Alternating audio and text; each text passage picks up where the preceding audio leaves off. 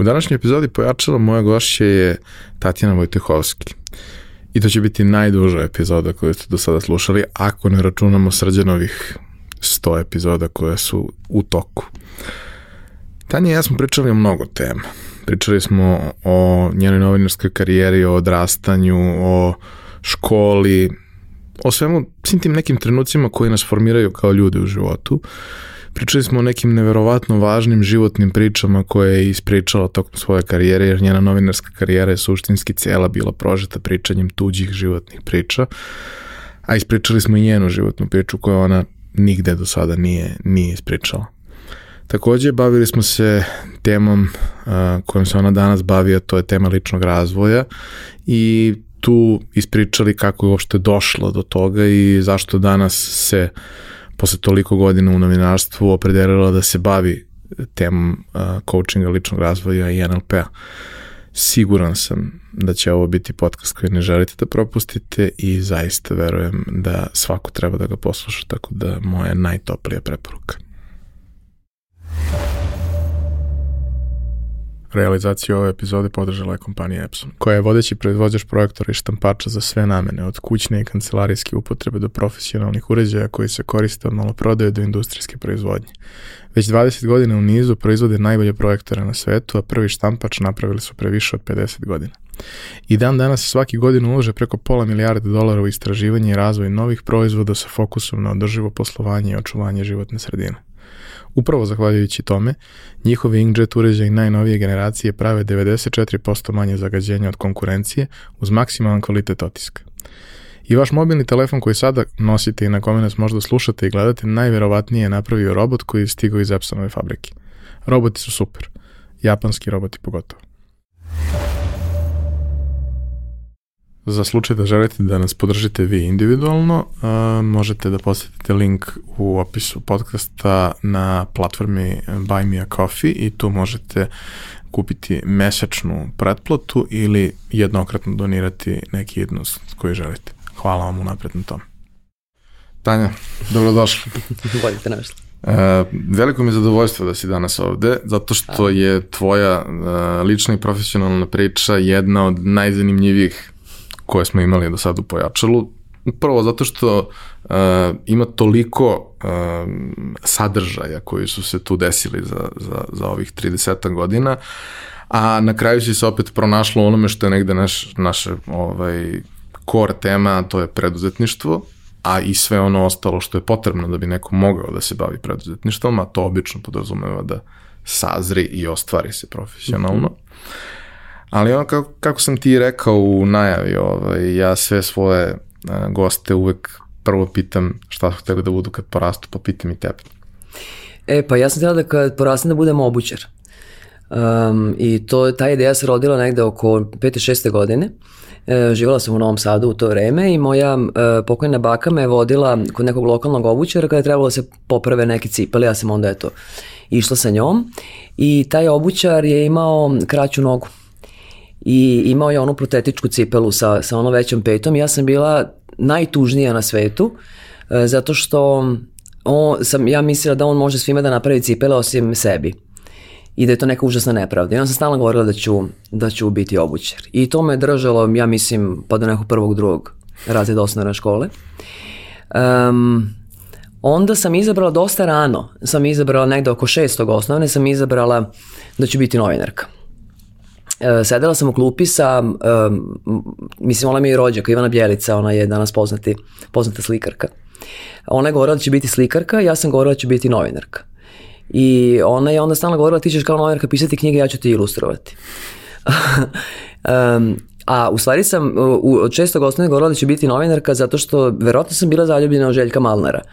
Uh, jer možeš, u Željka Malera možeš biti zaljubljen kad imaš 12 godina, jel?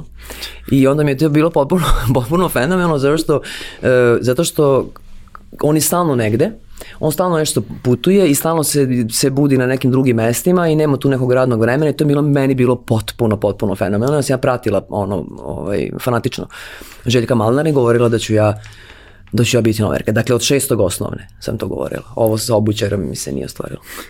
A kako je išla ta cela priča sa, sa obrazovanjem? Svako od nas kad uh, ide ovaj, kroz osnovnu srednju školu, mm -hmm. ima neke stvari koje ga povuku, mm -hmm. ima neke stvari za koje vrlo brzo shvati da ili nisu prosto za, mm -hmm. za nas ili uh, možda bi i bile kada bi imali osobu koja nam to mhm. objasni na pravi način. Ja sam imao taj problem sa matematikom, ja se takmičio matematike do srednje škole. U srednjoj školi sam naletao na profesora s kojim se apsolutno nisam razumeo Aha. i ta ljubav prema matematici gde sam stvarno ostvarivao super rezultate je, mislim, iščezla i ja sam na kraju jedva polagao te matematike. Polagao sam ih jer jednostavno bio sam jako dobar, mogao sam da se pripremim, ali je zapravo neko morao da mi predaje nakon što bi mi čovjek ispredavao i to je bio veliki, veliki, veliki problem. Kako kod tebe to išlo? Ono, prosto toliko toga, lepa stvar sa, to, sa tim ono, osnovnim i srednjim školovanjem je što dođeš u kontakt sa toliko toga i onda te obično nešto povuče. Jes, mene su više povukle reči nego brojevi. Bila sam veštija sa rečima nego sa brojevima. Umela sam da napišem, umela sam da kažem. To sada znam da sam umela da kažem iz razloga što sam uvek vukli da ja nešto kažem ispred razreda. Ili da se borim da nema kontrolnog, ili da se izborim za nešto, ili da budem predsjednica razreda, ili da nešto, znači da ja nešto oratorski kažem, da održim govor na nekoj priredbi, da održim oprošteni govor učiteljici, mislim to sad iz ove vizure znam. Tako sam bila veštija sa rečima um, i umela sam da ih napišem. S matematikom um, nisam bila toliko vešta ali sam bila odličan đak, bila sam Vukovac. Ne zato što sam se e, ložila da ja to štrebam, nego sam se ložila da, da pobedim. Um, i da pobedim sebe. To, to me loži. Ložilo me da pobedim i onako, ok, ne moraš nekako naći način da to nauči. Ali matematiku pamtim najviše, taj moj, moj odsustvo dela mozga za matematiku pamtim najviše po tome što na na času kaže ovako. Zamislite dve ravni koje se seku. Ja bukvalno, šta? Ja, kao, ja ne znam što da radim sa tim, sad, kako, kako, kako da zamislim, kakve dve ravne koje se seku. Slično je bilo sa fizikom. Ja sam to morala da prevedem u sistem asocijacija, mislim, mozak inače napred da uče na sistem asocijacija, ja sam morala da prevedem na sistem asocijacija nekih poznatih stvari, da bi ja to uspela da zapamtim, reprodukujem onog momenta kad me pitaju i kao to je to, ja to više neću znati. Ovaj, tako da da, reči su me bile te koje, koje su me više, uh, um, više su me triggerovale, više me triggerovalo da čitam, da napišem, da, da iskombinujem, iskombinujem neke reči i, i, i to javno govorništvo od, od malena, neko javno govorništvo koje se dešavalo tako kad sam tako bila to, eto, na priredbi da se ja obratim da nešto kad smo maturirali, na maloj maturi i sve to, mada moje javno govorništvo ima, ima jednu, jednu um, kako to, pa traumu, uh, jer zamalo da, da ne uspem, znaš, jer mi svi imamo neke, neke, neke traume, neke trigere iz prošlosti, suštinski smo slika prošlosti, jel? E, tako da, to nisam ja, to je moja trauma. Ovaj. e, šta se tu naime desilo? E, znači, ja sam od prvog razreda osnovne škole e, počela da dobijem slabije ocene iz matematike, e, odnosno, e, dobila sam slabije ocene zato što zadatak koji, znaš kako se kontrolni pisao na tabli, pa mi moramo da prepišemo pa računam. I ja ne prepišem dobro ono što ja izračunam je dobro, ali ispravo onog sam ja prepisala. I dobila sam slabije ocene. I onda su se moj, moja majka kao bunila, pa kao ona to nije prepisala dobro. U stvari se ustanovilo da ja ne vidim dobro. I onda sam se jedan dan pojavila u školi sa naučarima. Bila sam, imala sam sedam godina i bila sam užasno tužna zbog toga. Međutim, ta tuga se produbila time što sam ja posle nekih, ne znam, par mjeseci kako sam dobila te naučare, dobila da nosim onaj flaster na oku. E, znači, to ko ne zna šta je, to, e, M si mali, M su deca, onako mogu da budu iskreno, onako, i zla. I sad te neke naočare, na okvir tih naočara, pa to je mešavina Elton Johna i Leo Martina, to, to je presmešno, ulike neke naočare. I ta flasterčina koja ovako ovde stoji, ja sam bila užasno, užasno tužna i ovako sam kosu, kosu nabijala, da, I kad sam ušla u razred, učiteljica je videla da je onda shvatila našu momentu u stvari šta je uradila i onda me izvela na tablu da ja popravim to iz matematike što sam imala. I ja sam stajala ovako, sam stajala da ne, ne, nisam tada da okrenem to lice da, da me vidi taj razred, međutim ona me uzela ovako sa dva prsta. Me je uzela i rekla podigni glavu. Ovako onda su oni videli ovaj, taj moj flaster. Ja sam se tu bukvalno um, odsekla, to je, to je prvi susret sa nekim auditorijumom i imala sam strašan, ono, užasan osjećaj tuge, e, odbačenost, baš je strašno. Mislim, nije ona to radila sa namerom, niko sa namerom neko ne pravi traumu. Ali zamalo. Ovaj, e, međutim, ka- kako, su me, kako su se reči, a ne brojevi više lepile za mene vremenom, onda su tako to neko okruženje prepoznala taj, te moje, ajde kažem, neke oratorske sposobnosti od malena, tako da sam eto, ovaj, čak to negde upgradeovala. Ne, ja sam imao taj moment sa Jesi imao pogrešnim prepisivanjem zadataka i onda sam naravno lagao da ne vidim. Jer Aha, kao šta, da, je da, da. naj, šta je najjednostavnije rešenje? Najjednostavnije rešenje je da lažem da ne vidim. I onda sam dobio naočare i nikad neću da zaboravim to. I ja sam naravno mrzao da nosim naočare, kao Pa što da, su svi mrzali da nosim naočare, do jednog trenutka kad mi je naša nastavnica koja je koja nas je čuvala u boravku, koje smo radili domaći, koje smo svi obožavali, Brankica, koja je rekla moje mać, pogledaj ga, pravi mali intelektualac.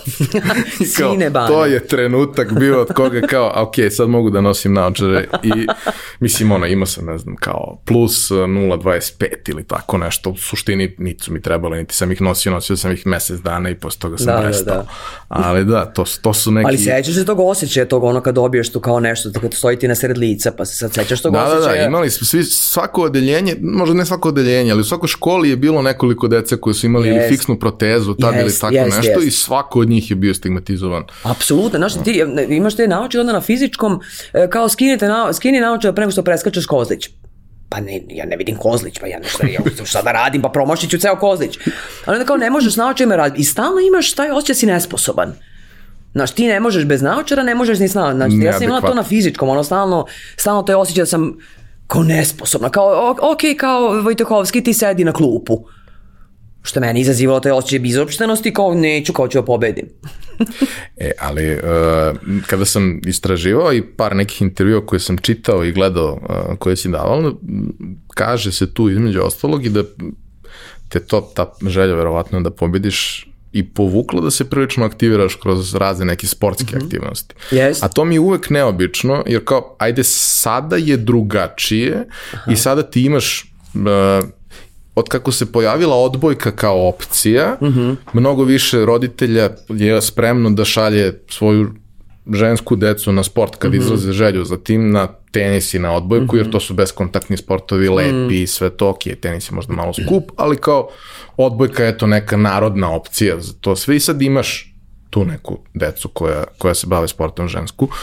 Dok u vreme kada sam ja odrastao, pretpostavljam da je tako bilo i unazad, nije baš bilo to preterano često, bilo je mnogo češće kod dečaka nego kod devojčica. Otkud ti u sportu i čime si se bavila? Jo, ja sam se bavila e, jedno vreme atletikom 100 i 800 metara. Um, gurali su me na skoku dalj, ali to me nije, to me nije nešto ložilo. A kako je došlo uopšte do te atletike? To su opet e, neki e, razredi osnovne škole, nešto tipa 5. i 6. razred. Odnosno 6, 5. i 6. da, posle učiteljice. Znači, došlo je do tog fizičkog i kad sam ja onda em, na fizičkom pokazu, kao, ok, trčite ko ja trčim, koji svi što trče. I onda je taj nastavnik fizičkog rekao kao, ok, tu nešto nema, pa ajde još jednom, pa ajde još jednom. I, i kako je to školstvo funkcionisalo ranije? Onda je nama rečeno da će doći neko iz atletskog kluba e, Vojvodina u to vreme da prisustvuje času fizičkog, pa izdvoje na nas nekoliko da trčimo na 100 metara, trčimo na 800 metara. Oni su to merili neke performanse. Ja sam bila klinka, ništa ti to ne razumeš. I onda je stigao dopis koji ti mi treba da donesemo roditeljima. Da je atletski klub prepoznao neke atletske performanse, da savetuje da, da se mi upišemo na atletiku i tako. I to je stigao do moje majke koja je to potpisala. Ja sam inače stanovala tik preko puta uh, tadašnjeg sada Nove Vojvodina, sad se zove Karadžorđe, i tu na toj atletskoj stazi bukvalno mi trebalo dva minuta da ode. Međutim, uh, individualni sport me nije ložio tada, nego je onda, onda su svi moji igrali košarku. Znači, bukvalno su svi igrali košarku i onda sam, ne, ne, kao ja ću isto košarku. Ako već brzo trčim, onda kao mogu da igram košarku. Tako sam igrala košarku u Vojvodini. Uh, jedno vreme me je trenirala ovaj, Marija Veger. Um, kasnije sam imala neke druge trenere i, i, i ta moja osnovna škola se, se, se bazirala na tome da posle ško, da ti u školu moraš da nosiš tu opremu za košarku i duboke konvers patike e, kožne i onda i nosiš i ranac i sve to i onda posle sa svim tim stvarima trčiš na taj trening i posle sve to vučeš ovaj kući, a na sve to paralelno sam išla u muzičku školu.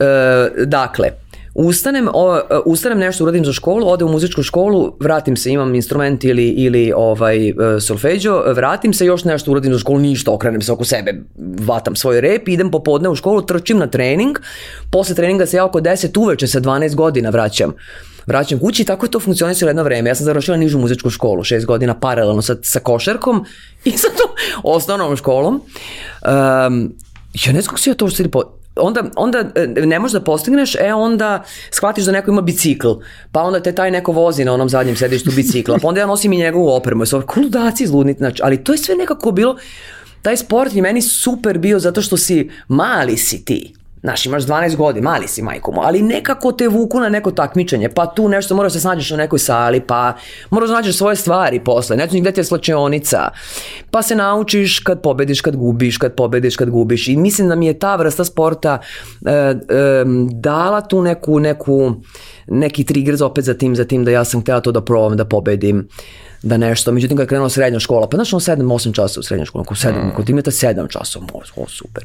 I onda ne možeš da, da, da to postigneš i onda je to tako otišlo. Ali da, to je taj bio sport. Znači jedno vreme atletika i jedno vreme košarka, da. Igrala sam ovaj, desni bek. e, s tim što moram ti kažem jednu stvar, to je bilo samo to, ja sam tri puta lomila uh, levu, desnu ruku. Da, ovaj, tri puta sam lomila, uh, uh, naravno, krajnje idiotske načine prvi moment kad sam slomila ruku jeste imali smo ne rolere nego roll šue um, i moja starija sestra um, ja sam imala šest godina, o, ona je imala deset i rešila da me nauči da vozim te roll šue, ali mi je obula u stanu pa smo silazili peške ni stepenice, kao ne tamo ispred zgrade kao da mi obuva, nego kao obuće mi stanu ja sam se bukvalno ubila na te stepenice i polomila ruku. Onda sam polomila ruku kad sam nešto trčala na bankinu, sam se oklizala na bankinu na istom mestu. I onda je bilo ono četvrte i osnovne, znaš kako u školu teraju one male đake, oni kao mi, kao oni kao u, re, u, redu posle odmora, a ovi kao sedmi i osmi se već malo guraju i malo to razmiču nas, ono, boraniju i neko je proleteo i ja sam se tu opet smandali na stepenici, opet slovim desnu ruku. Dakle, zašto ti to govorim? Govorim ti zbog košarke. Zbog toga što ja imam neki deformitet, ne mogu da ispravim šaku, vidiš? Da. Znači, ja mogu i sad ova šaka je ovako ostala. Što je dovodilo do toga da ako je koš ovamo, moja ruka stoji ovako, umesto ovako. Ali ako mi stoji ovako, otiće će lopta tamo, znači ovako. I svaki put kada sam ja na košarci uzimala loptu da se moje pozicije urade, oni su radili ovako, pošto kao nemoguće, kao vidi kako mi stoji lakat, ja nisam mogla to da ispravim. Ovaj, tak, ali nekako sam se ja tu eto borila, ovaj, borila sa tim dok nisam to rekla, ok, ne mogu, ne mogu da postignem. ali eto, to ti je to. Uh, jedan od momenta koji je uvek onako prelomni u, u životima ljudi koji posle naprave nešto, je trenutak kad skapiraš iz kog god razloga i koje god potrebe da bi možda trebalo nešto kreneš da radiš. Aha. I to obično bude pre nego što dođeš u fazu da stvarno nešto ozbiljno negde radiš, nego to su neki prvi letnji poslovi mm. za džeparac, za odlazak na more, za šta god. Uh, šta je tvoj prvi posao bio kad se desio? E, desio se u sedam osnovne sa 13 godina, što je bilo problematično jer nisam, nisam imala ličnu kartu. Uh, a trebalo je preko studentske organizacije da to počnem da radim. I onda sam ja, to nešto su mogli maloletnici da vade lične karte, pa sam ja to nešto tamo mamu dnjavila da ide sa mnom, ne znam gde je sup, ne znam gde je ništa, da mi izvadi. I ja sam dakle od sedmog osnovne uh, preko leta, pa čak do 16. 17. možda i 18. godine, znači to nekoliko sezona, ja sam brisala šoferi šajbne ovaj, na benzinskim pumpama po Novom Sadu i po Petrovaradinu. Jednom se desilo da sam radila, dobila sam, to čekaš koju ćeš pumpu da dobiješ, onda moliš Boga da dobiješ malu pečurku. Tako no, se zvala da, da. pumpa, jer kod Spensa. na, kod Spensa, bravo, jer na maloj pečurci neka lova, nešto super, ako dobiješ neku pumpu sa jednom onom, onom stanicom negde, šta je znam, na klisi, onda si ono, ali ne možeš da biraš, nego čekaš. Pa tražiš vezu za pumpu, pa tako. I ja sam, da, da, bukval, tražiš vezu za pumpu. To je onda počelo. I ja jedna, jednog leta, to sam već imala, pa jedno 17 godina, znači već se išlo na đavu, ja dobijem na Petrovaradinu da, da ovaj, da brišem stakla. I biraš ti smenu, ćeš popodne, prepodne, kako, ja radim noć. I dolaze mi ljudi koji ja srećem, koji srećem na džavi, ono, kada ja idem i onda i njima to, to brišem. A super je to iskustvo sa pumpe, jer onda počinje, to su oni prvi koraci da učeš, e, da učeš neku ljudsku psihologiju. Prvo, ja sam trebala da zaradim svoj novac, jer sam imala tu ideju da ja treba da imam svoj novac, da ja kupim sebi nešto ovaj, šta, šta hoću. I sa 13 godina kad zaradiš novac, onda shvatiš da ti te patike baš nisu tako lepe ni neophodne kad treba da daš svoj novac za njih. Drugo, ja sam dete samokrenih roditelja, moja majka već to radila dva posla i onako baš se trudila da nam, da nam, da nam obezbedi ono sve što može da nam obezbedi. Međutim, ja, ja, ja sam rasla sa tim da nasleđujem garderobu. Ja sam uvek, to sam pre neki dan pričala sa mojom sestrom, ovo, ja sam uvek nosila njenu, njenu garderobu. No, znači ona... Mislim da smo svi u tom periodu pa, nasleđivali ja, one neke tako, dobre ne, stvari koje pa, su bile. Ma ja sam nasleđivala sve. Zato što, kako ti kažem, znaš, ono, od starije sestre ja dobijem i cipele, i jaknu, i torbu, i džemper, i košulju. I ovaj... I onda sam ja htjela jako, ja ću to da zaradim i, i to je jednostavno tako. Um, I ta, to je počelo tako znači sa 13 godina. Ali naučiš, znaš, prve osnove ljudskog ponašanja, e, psihologije i onda, onda znaš, ono, kao kafanski muzičari kad znaju za koji sto da priču. Oni znaju, oni će svirati svima, malo ovima, ali oni čekaju pola dva i čekaju one tamo. Oni znaju da će im oni ostati do pet. Tako i ti na pumpi.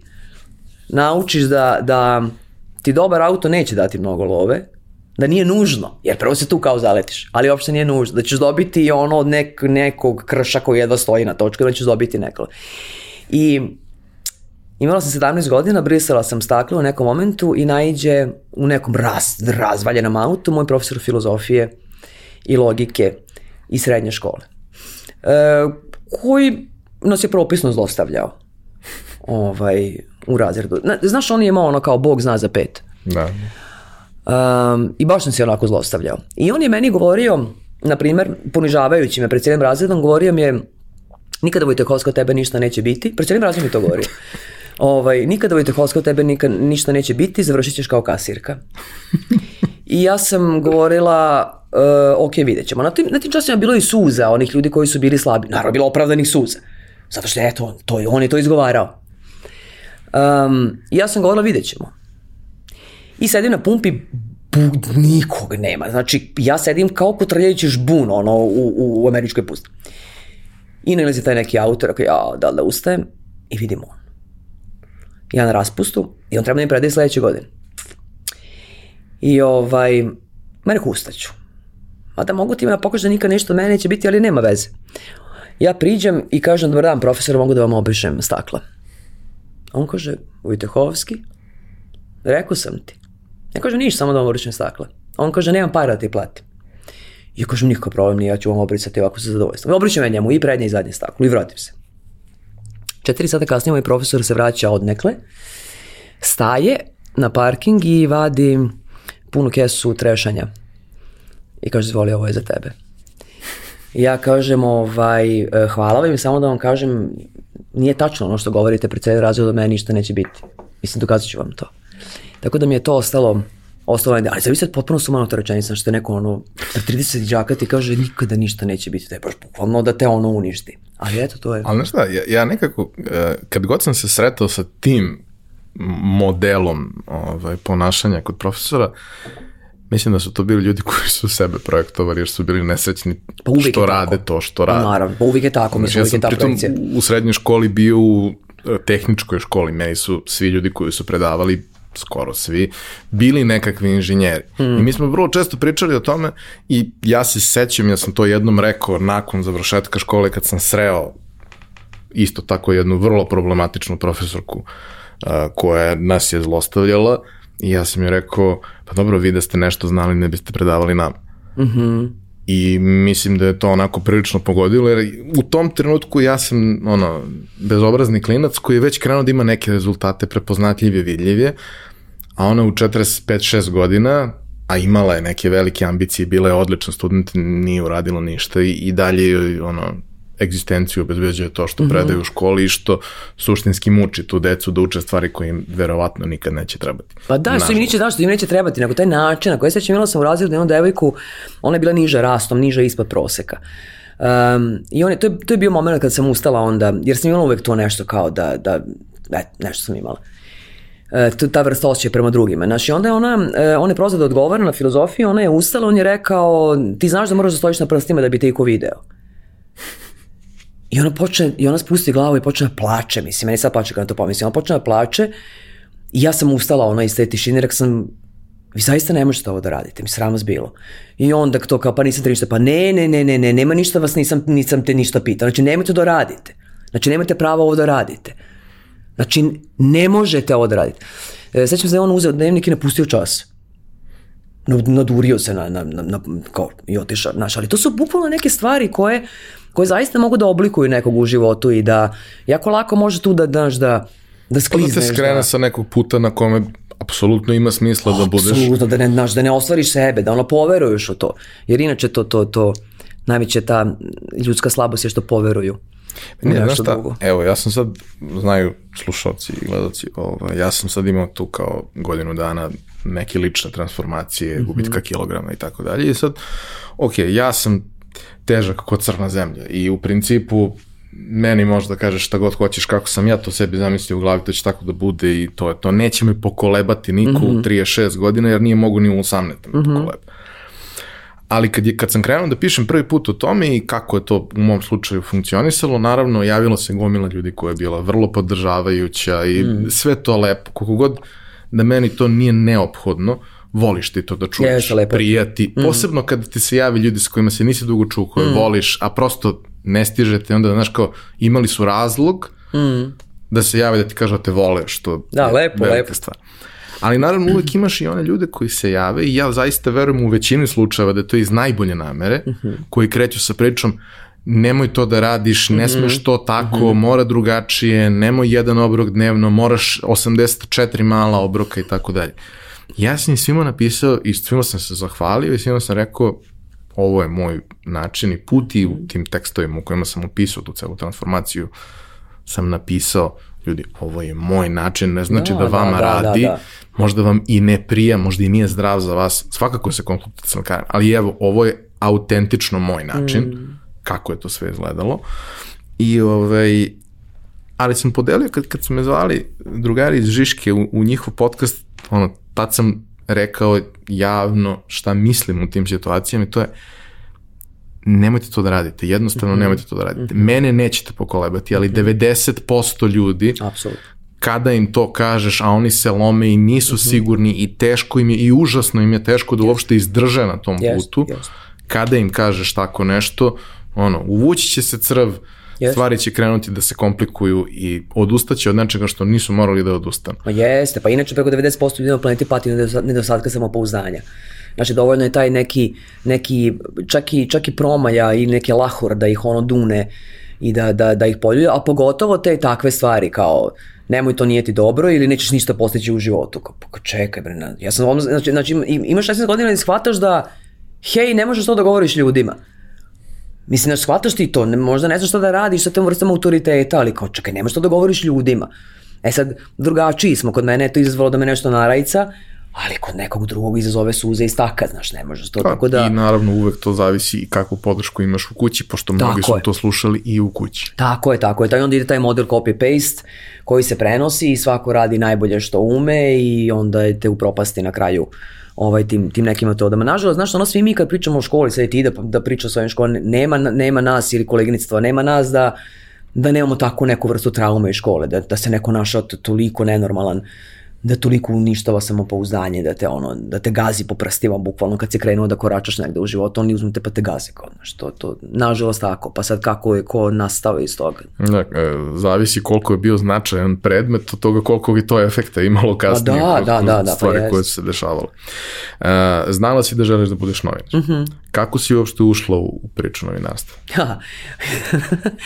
Um, Uh, ušla sam tako što, uh, malo pre sam pomenula moju sestru, vjerojatno ću da pomenem još, još koji put, uh, pošto se mnogo volimo, mnogo smo vezani, imamo divan odnos. Um, znači, ušla sam tako što, što je moja sestra rekla da ima uh, ne, neki oglas za neku audiciju na televiziji Novi Sad za najavljivačice programa. I ja sam rekla, ma daj bre, ne mi na pamet. I ona je rekla, ma daj, ajde, kao prijavi se, kao imaš taj super glas. Jer nije bio taj glas sav onda, a? ali se nazirao ta dikcija glas. Ja kažem, neću bre Tamara, kakve bre, najavljivačica programa, šta ti? I bila je subota pre podne i onda je mene slagala da idemo ne znam gde, kod neke naše treće drugarice, idemo ne znam gde i kao ajde obuci ovo, ovaj komplet, mi smo menjali garderobu i sad menjamo garderobu dan danas ovim godinama. Bukvalno, bukvalno čak selimo iz Novog Sada u Beograd, iz Beograda u Novi Sad. I ona kao ajde obuci, ja kažem, šta bre da obučem ovaj, ovaj neki kao neki komplet, da obučem, idemo pre podne na kafu, ne, ne, ne, kao obuci to. Mislim, sve slagala. I ja tako nekako uparađena, u stvari završim u kolima sa njom i ona zapuca preko mosta kameničko prema kamenici na televiziju novi sad. Kaže, da si ti normalno. Ona kaže, molim te, idi tamo i pročitaj to šta imaš, ajde, bogati. I tako sam ušla u televiziju. Kao nevljačica programa. Dakle, ja sam nevljivala program. E, I ne samo to, i odjavljivala sam. E, znači, ja se pojavim na u, u oko pet popodne, se pojavim i kažem, e, večeras na televiziju ne sad gledat ćete u to toliko, u ovo toliko, u ovo toliko, 21 film, ovako ona i to i to i ništa. I onda ide program do, na primjer, šta ja znam, ponoći, pola jedan i onda se ja pojavim kad svi spavaju više, niko to ni moja mama više ne gleda, onda se ja pojavim da kažem gledali ste, tarara, tarara, tarara, tarara, a sutra ćete ujutro gledati tarara, tarara. Znači imaš ogromno vreme, imaš ono od pet do ponoći, gde sam ja onda hodala po televiziji. I hodala tako, bišla, šunjala se. Naravno, oni tebe koriste da im donosiš kafe, da im ideš po burek, da za sve tako što nisi tamo došao, te koriste. I onda sam ja tako ulazila na meru montaže, pitali, izvinite, li smetam da samo sedim ovde? Da ništa, onda neko kao, oj, kao, okej. Okay. I tako sam sedela. I gledala, i sedela, i gledala. E, I mislim da je počeo tu to intervenozno konzumiranje um, medija i te, te neke vrste života. Neko, neki su mi dozvolili da nešto pitam, neki mi nisu dozvolili ništa da pitam. Um, onda je došla audicija za treći program. Treći program je bio u okviru 3K. Samo dva sata iz Novog Sada se uh, proizvodilo. Prošla sam tu audiciju. Onda je došla audicija za televiziju Novi Sad. Uh, meni je urednik bio Pero Zubac. I ja sam radila onda na televiziji Novi Sad, radila sam, bože dragi, radila sam nedeljno popodne. I sećaš nedeljno popodne? Da, da. Znači ovako, nedeljno popodne počinje u pola deset ujutru i završava se u sedam uveče. Da li ti razumeš da, postoji, da je postojala emisija koja je počinjala u pola deset ujutru i završavala se u sedam uveče? I to smo da radili Aleksandar Bojović i ja smo radili, posle se pridružile Teodora kao nas troje, pošto ovaj, ne možemo sve dver. Jedina pauza za ručak je bila pošto je išla porodična serija od 1 do pola 3 i onda krenu se ređaju gosti, dolaze ovi, pa reportaža, pa onako pa se uključuje studio Beograd, e, pa se onda uključuje studio Priština. I to je tako bilo, znaš, nedeljno popodne, to sam, to sam ovaj radila i onda sam ja tu um, došao na NS+. NS Plus su bili moji autorski koraci i oni su dozvolili da se predlože neke ideje, ja sam vam predložila dokumentarnu emisiju, svi su predložili nešto da radi sa poznatima.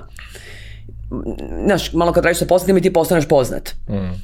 A ja sam predložila tu moju prvu dokumentarnu emisiju koja se zvala I to je život i koja se bazirala samo na tome da ja putujem po Srbiji, Crne Gori, um, Kosovo, naravno računam u Srbiju. Um, I ja sam putovala i snimala sam neobične priče potpuno običnih ljudi koji nikada nisu stali pred kamere, koji često nisu ni televizor imali. Samo hoću ti kažem, dakle, u to vreme nije bilo interneta, nije bilo mobilnih telefona, nije bilo ni pagera, nisi mogao na Facebooku da proveriš sagovornika, većina mojih sagovornika nije imala fiksni telefon i ja sam dolazila do njihovih priča. I sad uvijek su me pitali kao, pa kako, kako, kako si ti uopšte nalazila te ljude? Um, ja sam, će ti ispričam to. Hoću. Ja sam ih nalazila tako što sednemo nas troje u kola bez kamere i napravimo kao neku rutu na mapi, papirnoj mapi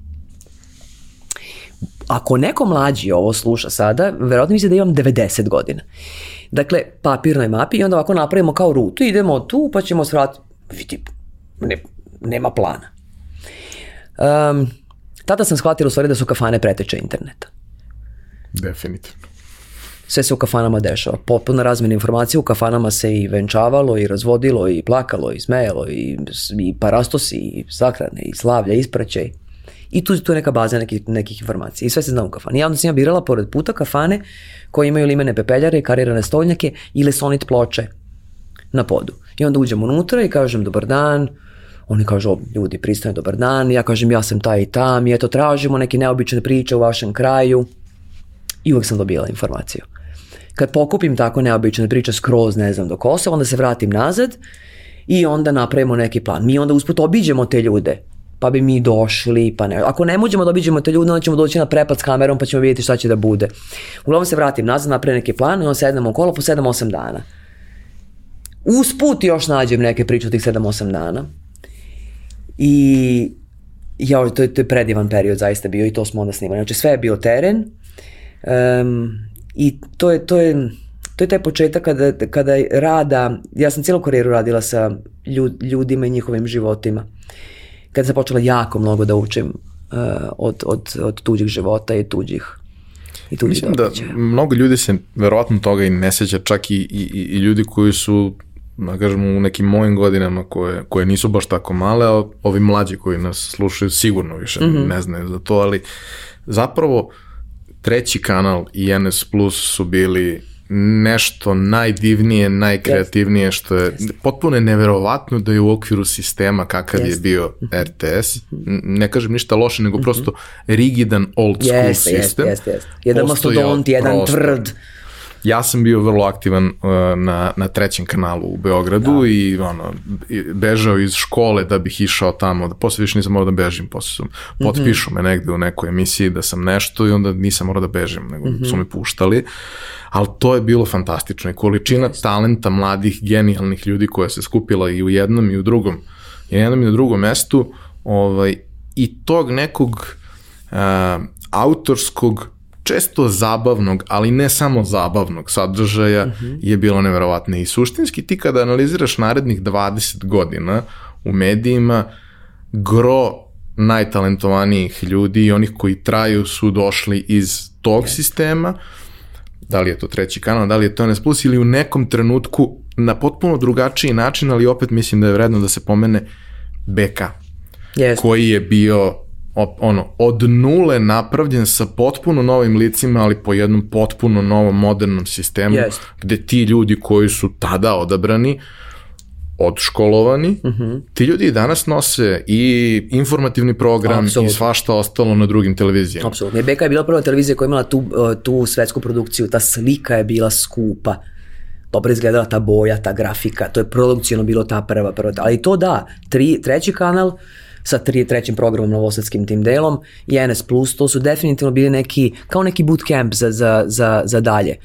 Tu su, tu, tu smo mi mogli da realizujemo neke svoje autorske ideje, neke svoje korake, nešto tu, mi smo, ali sad zaista, mi smo živeli u tim redakcijama. Ja, evo ti jedan, jedan primjer, ajde, mislim, jeste digresija na digresiju, ali uh, ovih dana se dosta provlače razne, razne citati izjave Laneta Gutovića zbog mm. toga što je nedavno preminuo I e, jedna od njih koja se najčešće citira je sa, sa studija B iz one neke emisije gde on kaže eto sada ni jedna televizija nema obrazovni program. Sve ono na čemu smo mi odrasli, mislim, ja sam živeo kad idem popodne u školu da bi ujutru gledao taj obrazovni program, da sam bežao iz škole mm -hmm, da gledam neke mm -hmm. stvari jer sam bio dobar đak pa su me puštali. Mm -hmm. Ja mogu ja da idem da gledam opstanak, može i da gledam opstanak. Mm -hmm. Jer sam isto živeo preko puta škole.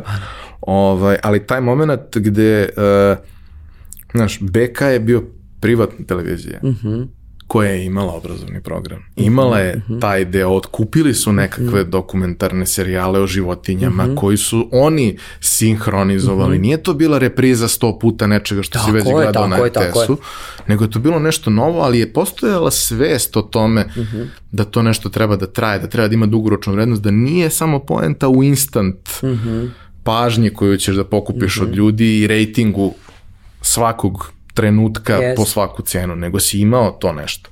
E sad, taj tvoj uh, autorski rad koji je tada počeo uh, i, i te priče koje si uh, sakupljala, mnogi od njih su te i kasnije kroz karijeru pratili možda kao neki od, od, od najsjajnijih intervjua koje si uradila.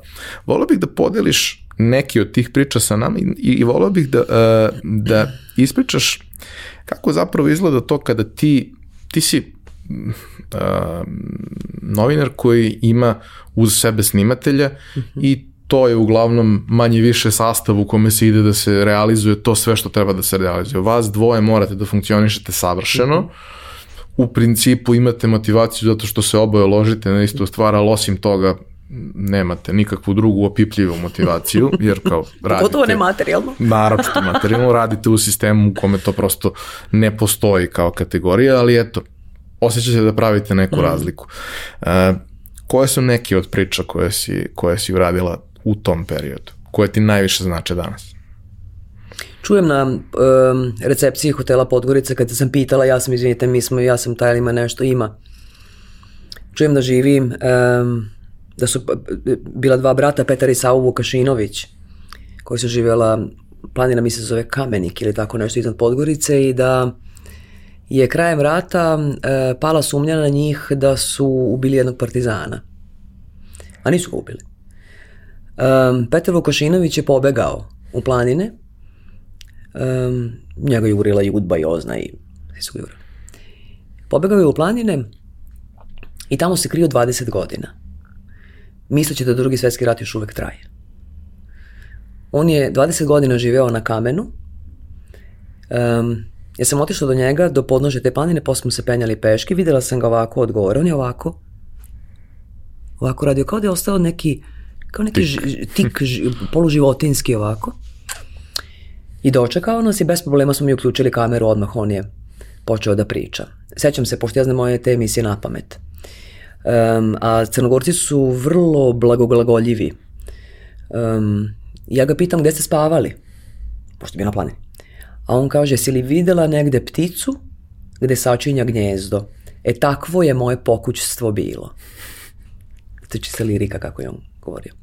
Dakle, uh, on imao rođenu sestru koja je znala da se on krije tu negde, on je stalno menjao lokacije, ona kaže da mu je ostavila malo krtole ispod nekog kamena, jednom prilike mu je ostavila poruku da ukoliko se u toku noći uh, upali petrolejska lampa u kući, pošto on mogu da vidi sa, sa visine da, je to, da će to biti znak da, um, da im se otac upokojio. I tako je bilo. Njenu sestru su dosta mučili fizički um, oslobodilačka uh, vojska. Priča kaže da su je hvatali za pletenice i držali ovako iznad jame pretići da će baciti i on se kune da on nije ubio da on nije, nije ubio ovaj, tog čoveka. I 65. godine mu je dosadilo da 20 godina živi u planini i rešio da se preda. Gde ste otišli, rekao gospodin. A on kaže, otišao sam u, u Titograd, u policiju. Ja kažem, pa kako su reagovali? A on kaže ovako, iskakali su iz onije kancelarija, kao da sada tebi rečem eno srna ili vuk. Um, u kafani čujem u Crne Gori da postoji jedna žena koja živi u selu Stabna i da je to jedina živa žena u Crne Gore koja je ušla u crnogorsku guslarsku pesmu. Zainteresuje me žena koja je ušla u crnogorsku guslarsku pesmu. Um, ona je pre 50 i nešto godina se u tom selu zabavljala sa nekim svojim momkom.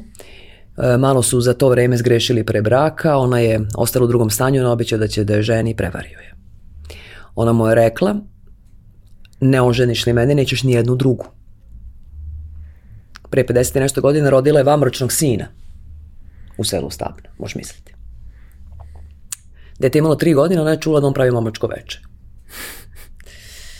Ona je rekla šta je rekla. Kad sam sedela kod nje u kući, ona priča ovako, ja, ja gotovo doslovce citiram njene reči i ona kaže uzela sam nož i u toku snimanja kaže evo ovaj ovde. I ovako pokaže mi svi ovako. Ovako. Sišla sam dole, momci su igrali kolo. Ona kaže, gađala sam ga pravo u srce. Um, ona je ubola njega u grudi, uh, za 2 cm promašila srce, onda je mlatila tim nožem okolo, jer su skočile na nju da, da se brana, ne mlatila tim nožem okolo i ranila 11 momaka. Nekima je prste ocekla. Kad je to završila, ona je krvava došla svojoj kući, kaže, braća su me isprcala iz kuće da presvuče krvovu košlju buče čistu, jer ne može ići tako prljava u stanicu policije da se prijavi. Otišla je, prijavila se i rekla šta je uradila. Oni su svi odneti na hirurgiju kod čuvenog doktora Dekleve, koji je bio hirurg tada čuveni, i onda je nastala pesma Zora Buca, ona se zove Zorka Tijanić, Zora Buca, a Dekleva šije, oj pivljani bolje da vas nije. Oni su pokrpljeni, svi su preživeli, ona je oslobođena zbog pokušaja ubistva u teškom afektivnom stanju. Ona to ne definiše na taj način. Ona kaže sledeće, citiram. Mene su lekari u Nikšić rekli da ja nijesam bila normalna. Ali Bogu mi jesam, sve sam znala. Ja sam je pitala sedeći kod nje u kući, pitala sam je, jel ga mrzite? Ona mi je odgovorila na sledeći način. Rekla je, čitavu mladost stavila sam oko tog djeteta. I tebi je jasno da, da ona više nikada nije imala muškarca u životu. Da je to potpuno odredilo taj njen neki, neki život i da ona nikada više nije konzumirala ljubav, ni u kakvom smislu. Um, postavila sam je pitanje, ja sam osjećala internet da je postavim, to pitanje bi možda naišlo na osudu danas, ali ja bih ga i danas postavila. Postavila sam je pitanje, je li vam žao što ga niste ubili? Ona mi je odgovorila, žao mi je bilo onda, žao mi je sada, žao će mi biti zavazda. I to je to. I ti imaš neči život ovako i, i to je to. I, ne, i e, to me naučilo da ne sudim, da dok ne staviš sebe u nečije cipele. A ne, ja, ja u njene cipele ne mogu stavim, hvala Bogu. Niti ću ikad, opet hvala Bogu, znaš. To me naučilo da olako ne donosim zaključke o, o, o nekim ljudskim postupcima, o nekim, o nekim ljudskim sudbinama. Um, u jednoj kafani sam, sam čula priču da u Crnoj Gori živi prava i poslednja Virđina. Virđina bi bio običaj da kada otac porodice um, na primjer ne stigne zbog smrti da napravi muško dete, da se najmlađe žensko dete pretvara da je muškarac.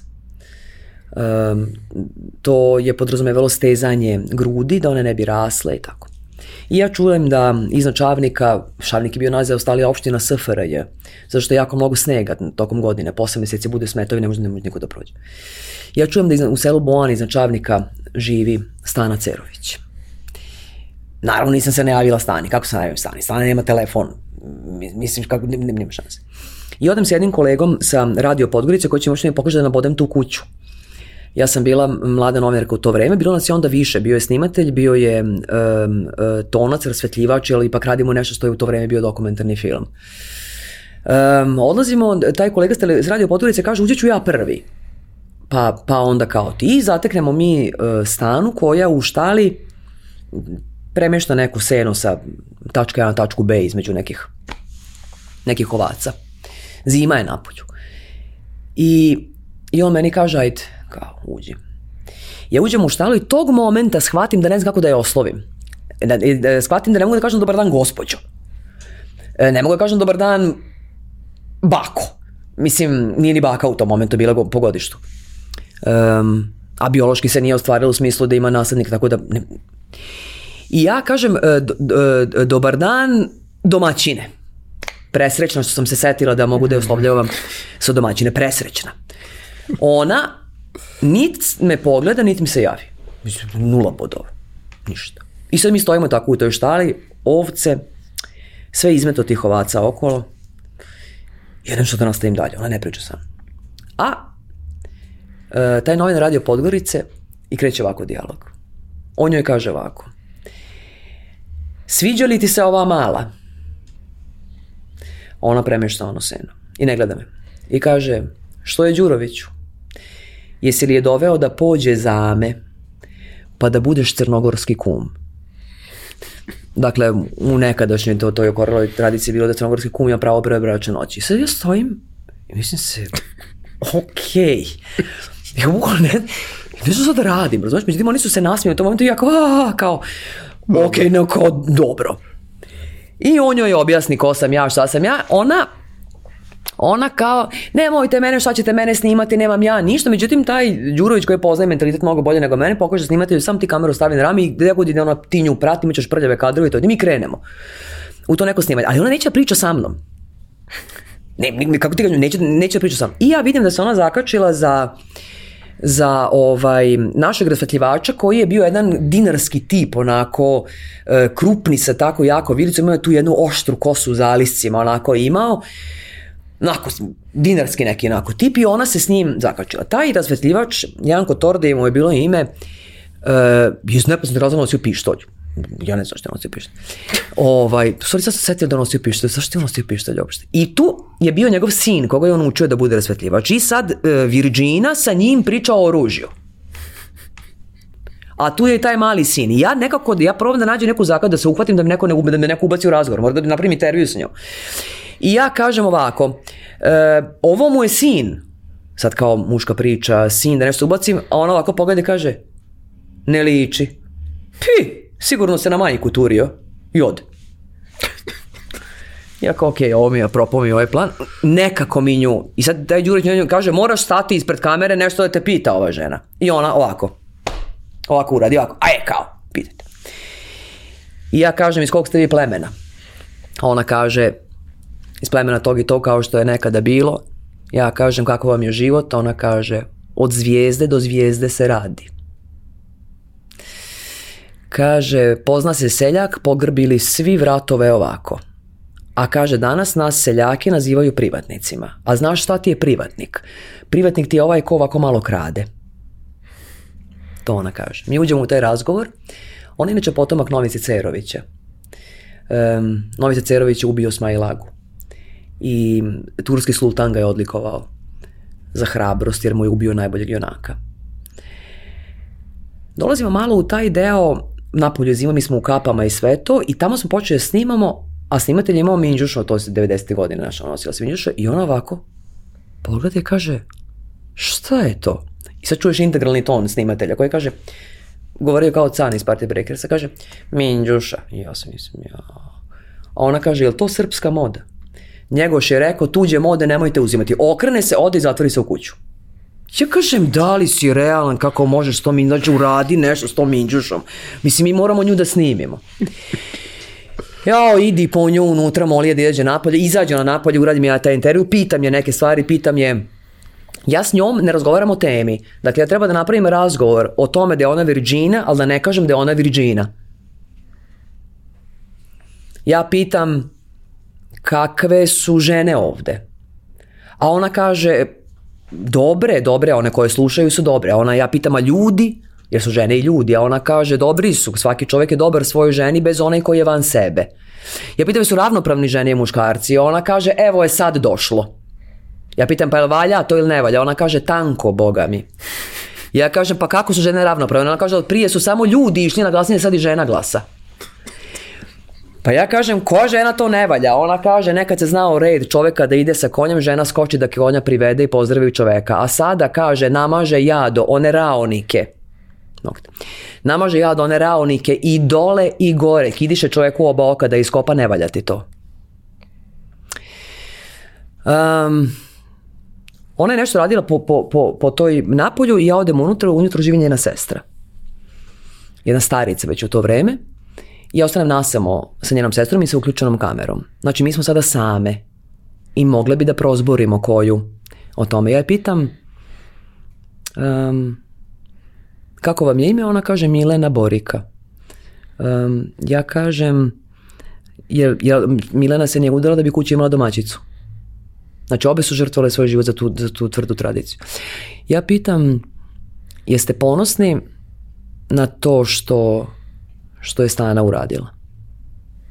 A ona odgovara kako neću biti ponosna na brata svoga. Jer je kuća sačuvala e, kumstvo i slav. Za, eto, taj jedan period koliko će koliko će ovaj njih dve. A da, kad sam pitala jeste ponosni, a ona me ako pogleda kaže jesam, a što?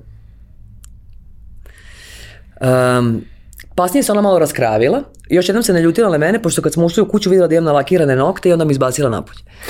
Ovaj, ja sam bila mala, nisam ona, imala se neke crvene nokte, ona je to vidjela i da.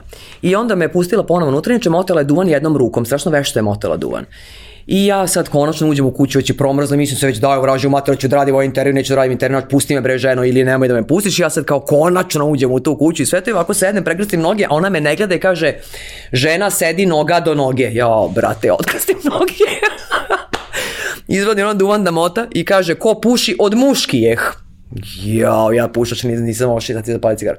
Otkravila se ona. Mi smo napravili fantastičnu jednu priču ona je donali pušku sa Mojkovca iz Mojkovičke bitke koja je ostala i ovako stavila pušku. Ja kažem, je li vam teška ta puška u ramenu? Ona kaže, nije dobru čoveku puška teška bez onoj tankovini. Dakle, samo kad je tako muškarac metiljev, onda mu je puška teška. I od sad pušku tu repetira i kaže, hoću li pucat? Pa gleda na mene kaže, jel te stra? Ja gledam, sedim ono oni kamena kuća, mi se zakopali ovaj rikošet, mi nikada odavde nećemo. Pa ja kažem, pa nećete pucati u kući, mi se to sve snimamo nego me ona začikava, jer sam ja žena, ona je, pa sam, pa sam plašljiva. I tako, kad smo odlazili, spakovala nam je litru rakije i nekog, nekog sira izuzetno jakog mirisa. Ovaj, da imamo za poneti I malo se otkravila prema meni. I sad mi se to, tu se mi tovarimo u kombi i ona meni kaže imaš li djece? Ja kažem imam i molim Boga da me za pol ne pita. A ona kaže šta imaš? Ja kažem čerku. A ona mi ovako parabra, bum, kaže, bit će bolje. Tako da, to je, to je jedna, jedna od priča koju, koju, koju smo radili, koja, znaš, da je bilo pameti u to vreme na televiziji Novi Sad, RTS televizija Novi Sad, je bilo pameti, to se moglo prodati ovaj, preko, ali te priče su, znaš, te priče su i, naš priča o čovjeku koji je 65. shvatio da, da, da, to je vjetnanskim sindrom, znaš, ovaj, ali eto, to su bile samo, samo neke, neke od priča koje sam radio. Uh, to se sve dešava u onom nekom periodu hiperinflacije, odmah nakon hiperinflacije Daytona, svega toga. Uh, I to je podrazumevalo za sve vas koji ste malo stariji da ste najčešće pored posla koji ste radili, znam, i po svojim roditeljima i po ono, starije, starijoj braći i tako dalje iz, iz, iz familije, uh, da svi ti ljudi radili nešto pored posla da bi mogli da... Da li je to bilo da se zaposle još negde pa rade negde gde postoji veći neki cash flow ili da se zaposle, ono, da, da pomognu na selu, da pomognu mimo posla tu da bi prosto bazičnu egzistenciju mhm. obezbedili, jer prosto takva je situacija bila da ti dobiješ tu neku platu i onda trčiš da razmeniš -hmm. i kad razmeniš možeš samo da se rasplačeš otprilike za to što, što si dobio. Kako je to izgledalo iz, iz tvog ugla? Sedam i po maraka sam zarađivala u to vreme. Um, strašno se volila taj posao. U to vreme sam izdobila neke prve nagrade, ali sam zarađivala sedam i po maraka. Bila sam samohrani roditelj. Ja sam trčala da radim u neki kafić Radila sam, ovaj, nekad sam konobarisala sa tacnom, a nekad sam radila za šankom. Po danu sam radila za šankom jer nije bilo potrebe za više osoblja, uveče sam e, konobarisala i nosila, nosila to piće. S televizije trčala u kafić s kafića, ku, ku, kući s kuće na kafić televizija. E, ujutru ustala, vodila Tijanu u školicu, e, trčala na televiziju, nema škola, televizija se nalazi u kamenici, stopiraš. E, ja sam imala nekog fiću, ali ja nemam para za gorivo. A i nema ga. A i nema goriva i onda sam, onda je Tijana trebala da se krsti i onda mi je trebalo neko gorivo da napravim neku nabavku i ja sam stavila uh, uh, auto u ovaj, u taj red, to je, to, je, to je taj red, ono sad ide pa ovako, pa ne znam, bulevarom, ako savija skroz je taj red za gorivo i tri dana i tri noći ti dolaziš i pomeraš to gorivo i ja dođem tamo prema pumpu i neki, neki veći muškarci su mi taj auto izgurali napolje. I ti onda plačeš i vratiš se na kraj reda i onda sam, sad ću ti ovo ispričati za, za ti sami pomaraka i onda, onda sam uh, uh, selo kola i otišla sam u, ne, u Mađarsku i prelazila sam granicu i imala sam pun, pun gepek goriva što nije smelo, što je bio neki šverc i onda me zaustavio neki policajac i rekao šta imate u gepeku, ja sam rekao gorivo. On je rekao, molim, ja sam rekao gorivo, imam pun gepe goriva. I on je rekao, to ne znam, ja znam da ne znam, on kaže, vi to morate, ja kažem, vidite ovako, ja ću sad ovo ili popiti, ili ću se zapaliti od ja ne, znači ja moram krstim dete, ja ne mogu više da živim ovaj život, neko video da sam luda verovatno i, i pustim. To je ta potpuna šizofrenija od tog života. dakle, kad sam se zaposlila u tom kafiću, znači u to vreme su počinje da, da bile moda uh, ovih poker aparata. Uh, poker aparati su privlačili određenu klijentelu. To su bile 90. godine baš 90. godine. To su bili tipovi sa, sa, sa kajlama. Svaki drugi je imao pištolj. Ja se sećam moj prvi radni dan, ulazim u šanku, u šanku stoji bezbol palica. Ja pitam ovo što radite, šta će ovaj bejsbol palica u tu, niko. Kao, pa treba ti, pa šta će mi bejsbol palica, mislim. U, ti, u tim atmosferama se radila. Za sada mi pomaraka koliko sam zarađivala na televiziji Novi Sad dok sam radila emisiju koju sam ti upravo malo pre pričala. Ja sam mogla da kupim e, pola kilograma hleba, e, dva jaja i margarin dobro jutro. Eto, bukvalno. Za ceo mesec. Ja ne znam kako, ja ne znam šta smo mi jeli, ja ne znam šta, ja ne znam kako je to, ali to da bukvalno nije, Mislim, nešto smo jeli, znaš, ali mi smo jeli meso jednom nedelju. Um, ja, ja, ja ne mogu da zaboravim te momente da, da ja nisam imala para da, uh, uh, znači, i bez obzira što radiš u kafiću, a ta inflacija ti to ždere, ti trčiš kod tih dilera kao lud. Ja nisam imala para da mom detetu kupim jednu bananu. Jednu, znači to je voće. Jednu bananu. I neću nikada zaboraviti moment, bila jako velika zima, I ona je volala da je vučem e, po san, sankama, da je vučem tako po ulicama, ne znam, onda ja, ja to trčim i, i um, onda smo usratili u, u, u prodavnicu da ja kupim čokoladno mleko. Da, za večeru da kupim čokoladno mleko. I sećaš se žele zeka. I sećaš se da je žele zeka stajao na kasi. I da se delio umesto kusura. Zato što železeka košta, ne znam, ne znam koliko je koštao. I Tijana je bila pored kase i rekla možda mi kupiš železeku i nisam imala para za železeku. Znači, ali nemam ja ni kod kuće, ja nemam, znači, ja, ja nisam imala da kupim železeku. I znam da, mislim, meni je ostao mi taj moment, znam taj moment da sam ja, ja sam vukla te sanke sa njom ovaj, do, do, do kuće, ovako su mi kapale suze na, na, na, na desne, bukvalno. I to je takav osjećaj bespomoćnosti, ono, ti nešto da radiš. Znaš, radiš, onda imaš neki posao koji voliš, nešto radiš, to je krenulo je nešto, ima, kažem da imala neke nagrade već. A i to potpuno jedno, jedno, jedno suludo vreme. Ja verujem da mlađim generacijama iz, i sad izgleda ovo kao kad neko priča, mi smo pešačili do škole, išli smo, na znaš, ja verujem da to izgleda ono kao da čak možda izaziva podsmeh, ali, sorry, kao tako je bilo. Zaista je bilo sumanuto. I to uopšte nije bilo toliko davno. Ne, to uopšte nije bilo toliko davno. Jeste prošlo dosta vremena. Mada Da, mi da, da. često nismo ni svesni, jer to je onaj sindrom mehanizam. kod nas muškaraca, mi mislimo da je Mijatov penal bio pre 10 godina, bio je pre 22. ovaj, ali to je taj, to je taj moment gde kao 95. godina to je bilo pre 15. Ne, ne, to je bilo pre 26. Tako je, tako je. Dobro. Tako je. Nekako ono, sve ostalo, živeći dan za dan, ti prosto nemaš Da, da, mi smo izgubili te, zdrav konti, mi nemamo te kontinuitete. Znaš, kako što ti fali COVID godina. Ja moram se zamislim koje je sad godine, pošto mi fali mi ta godina, 90, meni sve to fali nešto. Jer često mislim da je bilo pre 15, ne, bilo je pre 25. Ne, i onaj moment koji, koji vrlo često svakome od nas koji smo u tom trenutku bili dovoljno mladi da se sećamo svega vrlo jasno i vividno. Ja sam imao 14 godina, znači sasvim dovoljno da sve dobro znam. Mm -hmm. Moment bombardovanja.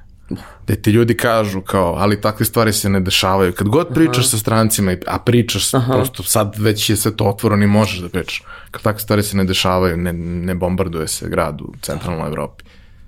E, bombarduje se. Tako ja se sećam toga i nisam uopšte bio toliko mali i nije to bilo toliko davno. Tako je. I to je onaj neki period koji nas je sve, opet, kao jo- još jedna ovaj, trauma koja nas je sve oblikovala u tom nekom periodu, ali vama koji ste radili na televiziji, taj period je bio posebno težak. Ja sam imao u porodici, mislim, i dalje imam, ali ne radim na televiziji.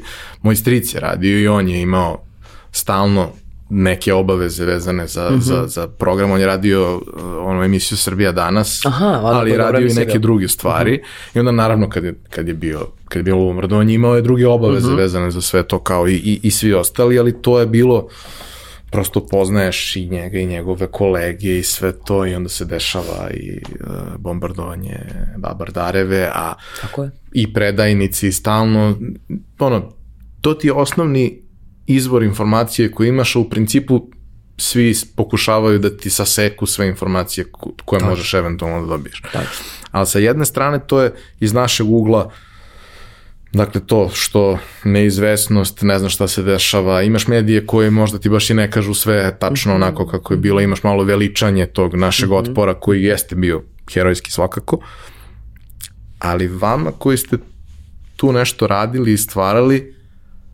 vama je život stao Tako je.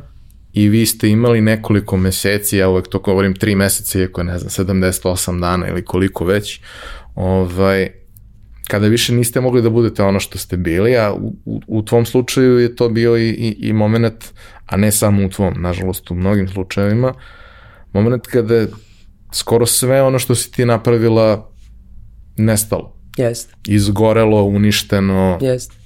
Izgubljeno. Um, kada počeo bombardovanje, kad su raspalili televiziju, ja sam sutradan ovaj, pozvala neke moje kolege, i čak i neke fotografije i pitala da li neko hoće da pređemo. Mostovi više nisu, nije, nisu bili svi mostovi.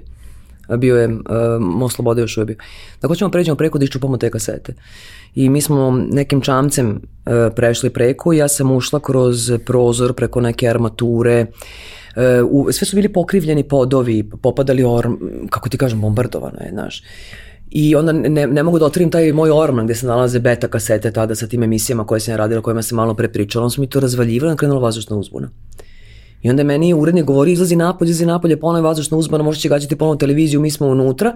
To su ti momenti ne, nelogičnog rasuđivanja e, ne, nekog sistema vrednosti, jer to je bio moj život negde unutra. Ja, ja nisam izašla napolje, nego sam čupala i dalje te Tako da kod kuće imamo volike, koliko sam mogla da ponesem, kao ne miška nosi kukuruz u crtanom, koliko sam mogla da ponesem ono tih kaseta i to sam nešto, nešto ovaj, nešto kao spasila i to, to po, potpuno sumano te stvari, ali ja sam, ja osim, ti se kažeš imali smo pauzu, rekao, ja ne da nisam imala pauzu, nego sam dobila prekomandu, Ja nikad nisam radila na RTS-u informativnom programu, ja sam uvek radila u kulturno-umetničkom programu ili, ili u, u, ovaj, u dokumentarnom, ali sam za vreme bombardovanja dobila prekomandu e, da idem na rezervni položaj. E, ne znam da sam nikad pričala o tome. Mm. I ja sam otišla na rezervni položaj. Gde je rezervni položaj u šumi?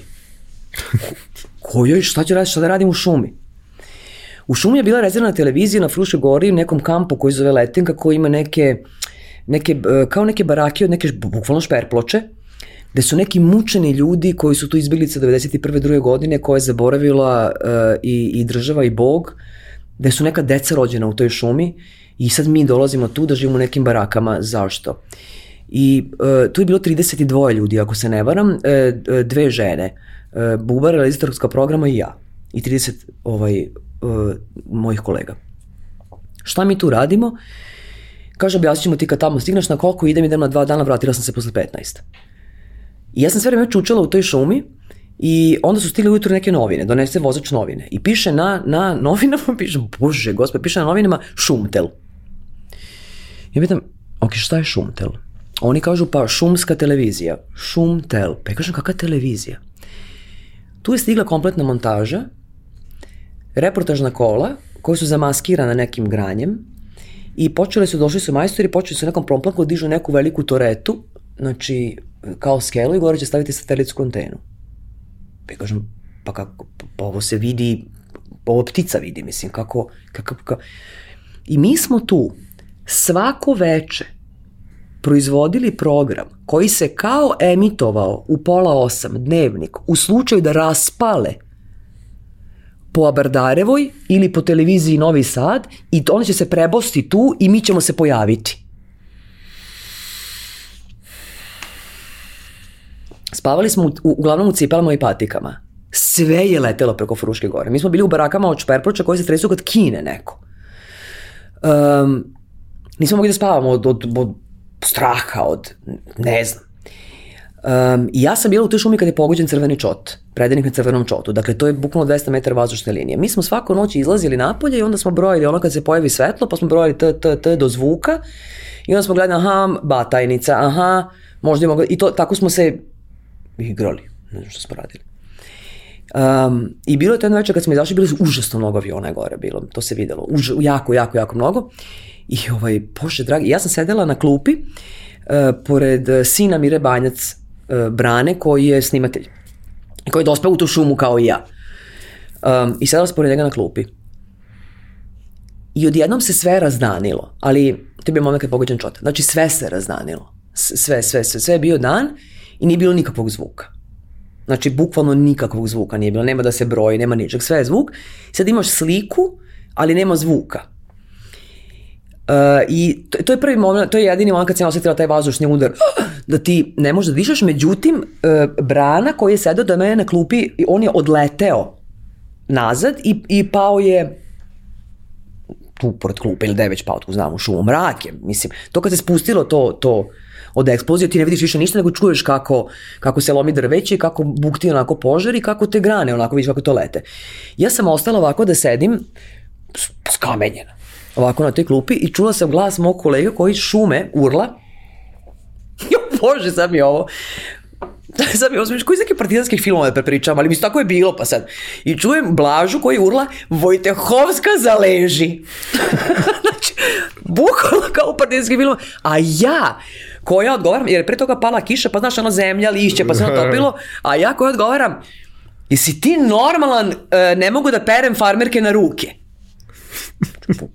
Znači vidim, bukvalno nema, kako sad, kako ja ću ispred od blata, pa kako ću ići prljava, znači pa, van pamet.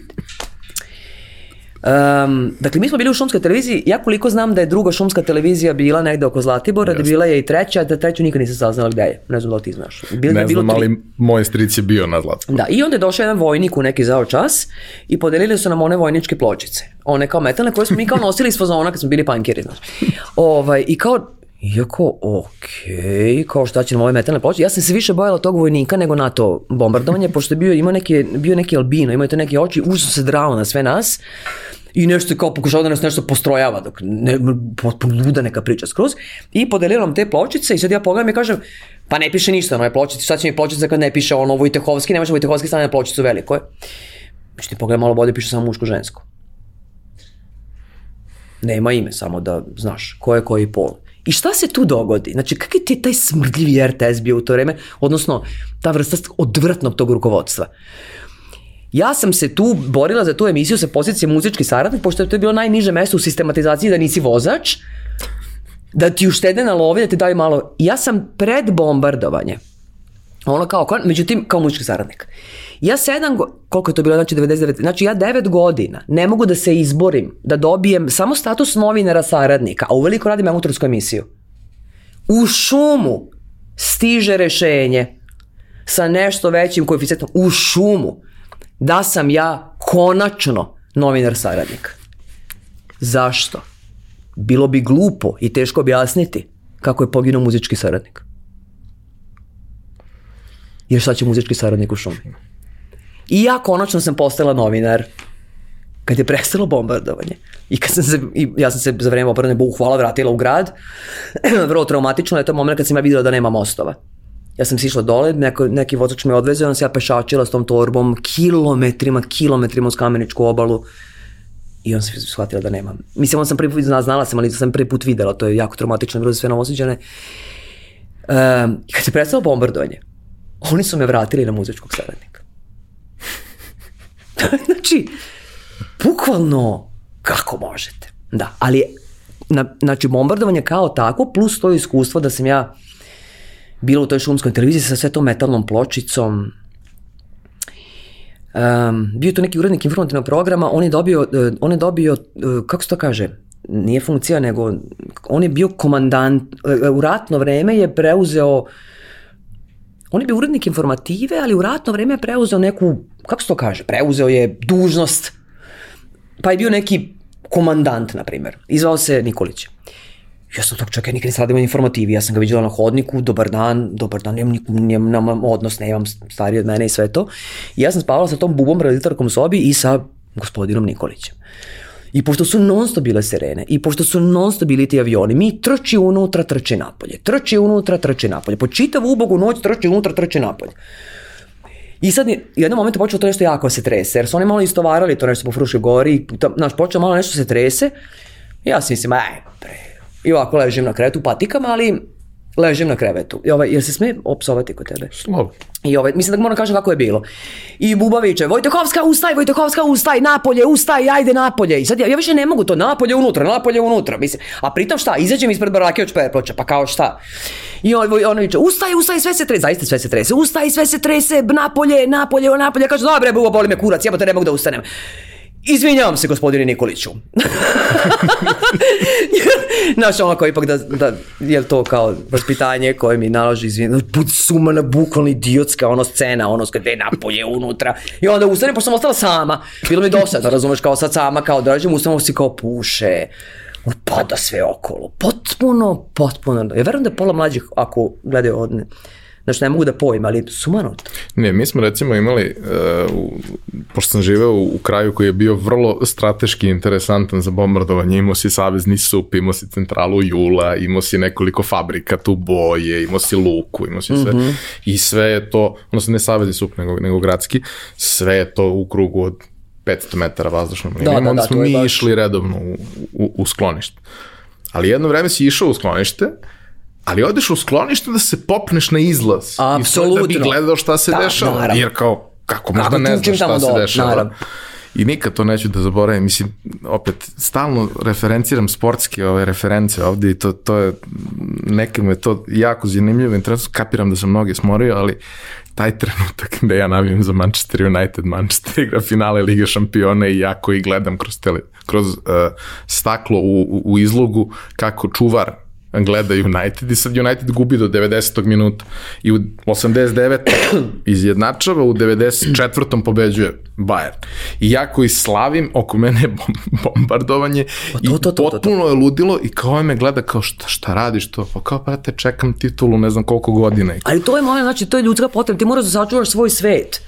Ti, znaš, ne, ne možeš da pustiš da te nešto tako uzme, ti moraš da sačuvaš. Znači ja kad, sam, si- kad su me pustili posle tog dana u toj šumi, su me pustili da sa tom torbom, da sam kilometar prešačvala, stopirala, niko neće da mi stane, navatala neku skelu i peške na liman 4 do kuće. I vratim se i napunim kadu. Da, na, znači da napunim kadu, otvorim ono kao toplu hladnu vodu i to napunim kadu i kao da legnem u kadu jer to je kao neki, neki deo mog nekog, nekih navika i kad se ta kada napuni, ja pipnem vode potpuno hladna jer šta, vruće nema. I sad to, Manchester, e nećeš. Ja se skinem i legnem u potpuno hladnu kadu. Jer kao, znaš, to, to možda deluje suma, ako nećeš bre, Znači, Već si to je, sve. znači, sve, znači kao to je to taj moment. I neću zaboraviti taj trenutak, pošto, pošto postoje te neke metaforične ove scene, znaš da ih neko vidi u filmu, rekao bi da je patetika, ali ovaj, ne, dan pre nego što ću ja otići, oni su nam televiziju gađali nekoliko puta i ja u dnevnoj sobi sam, sam ovaj, gledala nešto kao TV i iznad toga bilo parče biblioteke. A stanovala sam preko puta kaserne. I I onda je tu kao Dunav i jako se prenosio taj vazdušni udar kad se gađa ovaj, televizija i boga mi se to dosta, ja sam bila 15 sprata, to se dosta treslo i zatresi mi sada biblioteka na zidu i e, pogodi mi e, pogodi mi u glavu knjiga. Ali bukvalno me pogodi u glavu, onako, onim čoškom malo mi je raskrvari, onako, glavu, jer to onaj tvrdi povez. Iako je, jao, je realno kao bilo, bilo je užasno glupa smrt, znaš, da umremo od knj, pogođe, knjige u bombardovanju, znaš, kao, baš je bez veze. Kao. I uzmem, pogledam tu knjigu, um, Miroslav Antić, knjiga se zove Tako zamišljam nebo. Znači, nemaš kao to neke potpuno sumanuti simbol, kao, ne, ne, ne, ne, ne, ne, ne, ne, ne, ne zamišljam tako. Ne, ne, idite. Idite kući, ne, ne možete ovde da, ne možete ovo da radite sa ljudima u 20. veku. Znaš, poludilo. Ali očigledno je moglo. Nažalost. Da, da, da, jeste. Jeste, jeste. I to su, i to baš se moglo. Znaš, baš se moglo. Ja, meni je samo još jedno, ja sad kažem, meni je samo žao što ja, što, e, e, mislim da je bilo lakše onim ljudima koji su, koji su imali samo negativne emocije prema, e, prema NATO-u, e, a, a voleli su Slobodana Miloševića, jer ja nisam volila ni jedno ni drugo. Moje se negativne emocije delile ovako i onako, razumeš, kao jeste ok Miloš, kao ne, ali ne možete ovo nama da radite, kao pa da li ste normalni, kao ne možete nas tako da disciplinujete na taj način ili kao šta god. Bukvalno ne. Moglo im se, moglo, jebe im se. da izvineš. A... Tvoja karijera je počela i ti si postala prepoznatljivo lice sa tim životnim pričama a, na novosadskoj televiziji. Ali mnoga mnogi, da kažemo, naši gledalci, slušalci generalno i, i mlađa publika i ne nužno samo mlađa, te znaju iz ovog rada koji je došao nakon toga kada si prešla u neke privatne sisteme.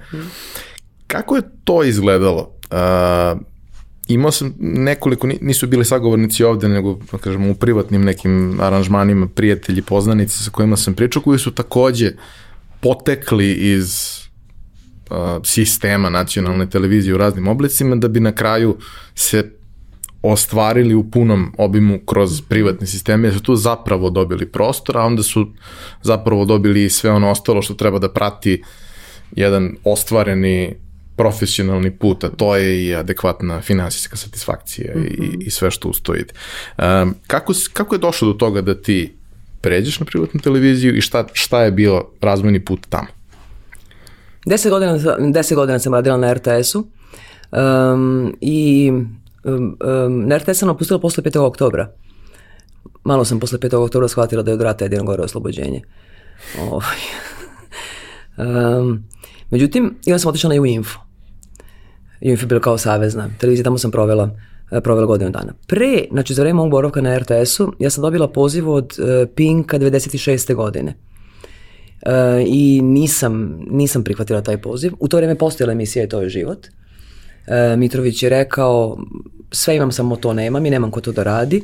I ja nisam prihvatila taj poziv. To je bilo to ludo vreme, 96. Marko Milošević, Madonna, e, Požarevac, ovako, onako. Sam pomislila, če, ovo privatna televizija, znači šta, sutra, ono, kao ideš u Madonu da najavljuješ, nego ja, ne, kao ne, nismo dobro.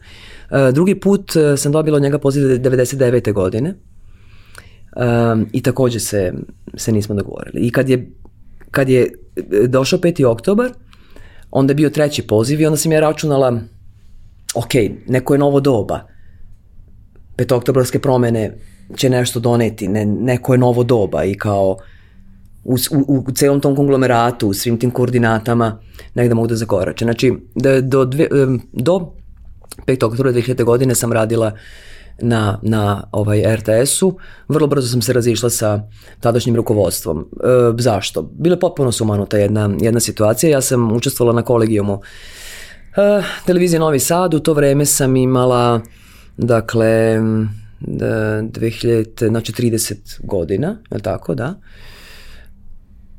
Da, 30 godina, da. I ja sam na tom kolegijumu rekla da, da sam ja najmlađa na ovom kolegijumu, ali da, da svaki sledeći može da mi bude roditelj.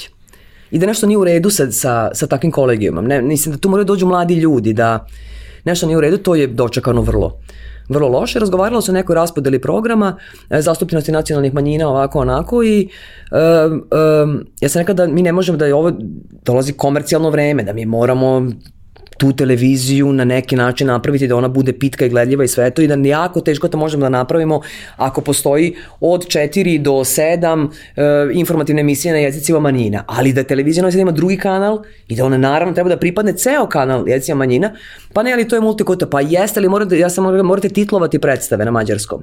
Mora, mora da postoji titl da bi, da bi postojala multikulturalnost. Inače je samo puko zadovoljanje forme, a to je bez veze. Ja sam na tom kolegijumu proglašena za srpskog nacionalistu. I rekli su mi da sam se zajebala jer sam poslušala Vojislava Koštunicu i da sam ja srpski nacionalista i da taj trend Vojislava Koštunice posle petog otrova mi neće dodneti dobro. Ja sam bukvalno ovako uzeklopila rokovnik i otišla. I tako sam napustila RTS. Znači ono kao, o čemu vi pričate? Onda sam dobila poziv od Zorana Predića da idem na Info, postala sam urednik ovaj, UINFA za, za Vojvodinu. Mi smo tu proizvodili neki informativni program, pa neke društvene teme, nešto, nešto. I da sam dobila svoju autorsku emisiju na, na UINFO. Ona se zvala Petak, Pet Ak. Gledaću da bio je petkom se emitovala u ponoć i bio taj noćni intervju. Nekako živo sam radila. Znači, gosti su dolazili u studiju u ponoć. Jer nekako emocije jače no, noću malo hoće da govore, pa je onda su bili dobri ti intervjui. I to je bila forma nekih 40 minuta. Ta sezona je bila uspešna kada je došao septembar, Zoran Predić me je zvao za septembar i rekao je ona bila prošli put uspešna, sad imaš termin od sat i po. I kažem Zorane, kako bre sat i po, pa ja ne mogu šta da radim, pričam se kako sat i po.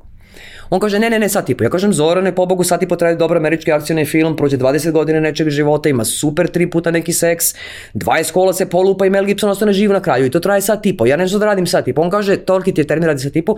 Ja kažem, hej, treba mi još dva gosta.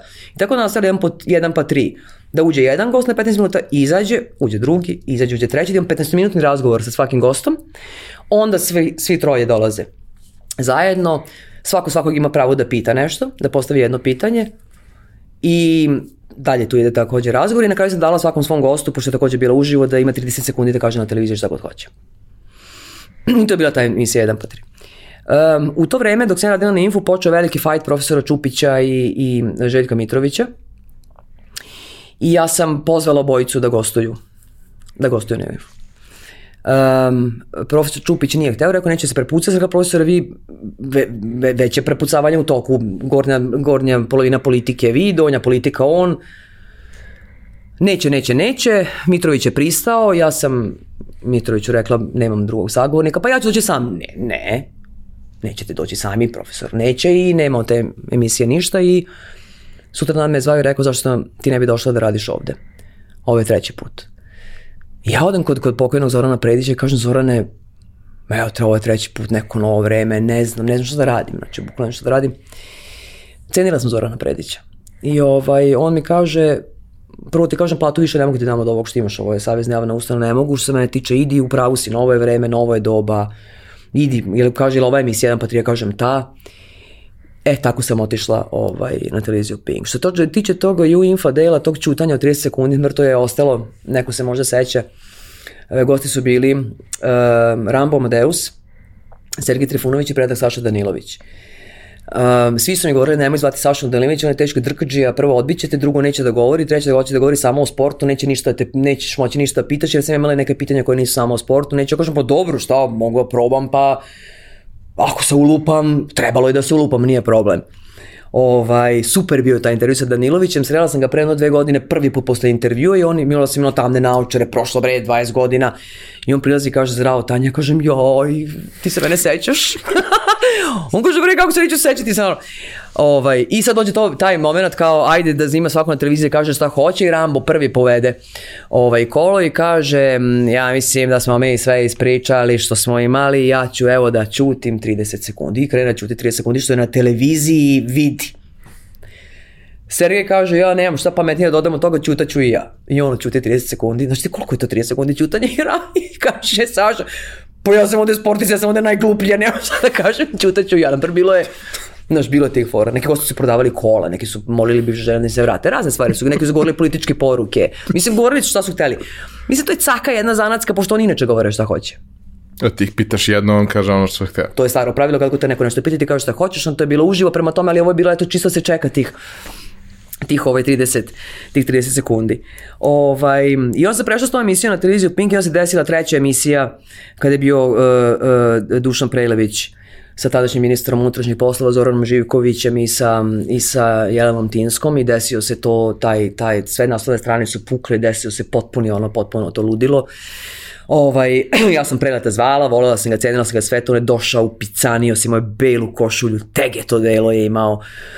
I Živković je bio ministar, ministar policije i prele došao pijan, ali to je prele, kao ok, i ja sam napravila jednu grešku, jer sam prvo preleta uvela u studio, onda mi izađe napolje, pa onda treba Zoran, pa treba Tinska, znači on ima pola sata sa šankom.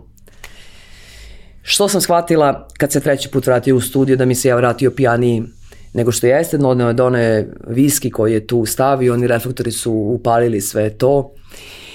E, u prvom delu intervjua kada je on bio sam, e, ja sam krenula da, da pošto je on jedan beogradski dinosaurus, bio jedan hroničar beogradskog vremena, ja sam ga pitala kako vam izgleda Beograd, danas on je rekao Beograd je grad peder.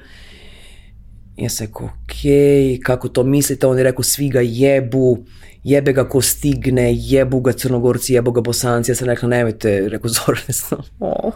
ja kažem, nemojte, kao nema smisla. On kaže, ne, ne, kao pitala si me, okej. Okay nešto, ne znam kako se mi dotaknemo nevladinih organizacija, ja kažem, ne, ne znam šta je on rekao, za, ne, on, ne znam oko nevladinih organizacija građanskih sektora, Zoran kaže, pun mi je kurac žena u crnom, žena s pičkom, žena bez pičke. Nabi, Ja kažem, nemojte, rekao, ne, prele, nemojte, molim vas, psovati, ovo je živ program, četiri je popodne, on kaže, boli mi kurac, nek prebace na drugi kanal. Mm. I ja kažem reklame. I kažem, ok, pogledamo u režiji na staklu ljudi ovako. Mislim, ja nema šta sam otišla u vetar, kao šta da radim, kao to je prega. Vratio se tu, pijaniji nego što je bio.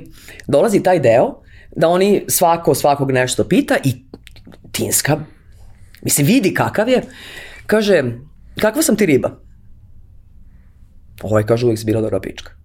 Opet, znači, Zoran Živković nešto govori u neki zao čas, kaže Prele, e pun mi je kurac vas pandura. Znači, ja studio mi se na glavu ruši, pritom obezbeđenje Zorana Živkovića je sve bliže i bliže, ja, ja mislim da on stoji u kadru. Ja rešim, ja ne mogu njega da učut, ne mogu, mislim ne mogu ništa s njim, ja rešim da ga ignorišem. Da ga ignorišem i kao rekao, ajde, valjda će u pre, ne znam, ne znam, desi se neko čudo. Ne vredi da ga opominjem, kad ga opominjem, on bude on namerno još to radi, još vidiš. I u neki zavod časno kaže, jebem ti ja ovu emisiju, skine onu bubicu i ode na vrata i mi završimo emisiju, ja sam njih dvoje, ne kažem gledaj se 3 pa 1, gledali se 2 pa 1 i doviđenja prijetno i sve to. Odem u šminkernicu, znači, znači, znači kad izađeš svi ovako. Ja kažem šta, šta, šta je, tu je.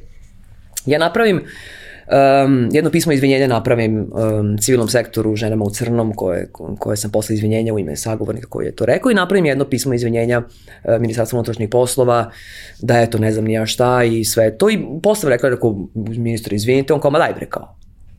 Ok, kao vas. Što ću ti kažem? I zamišljaš to danas?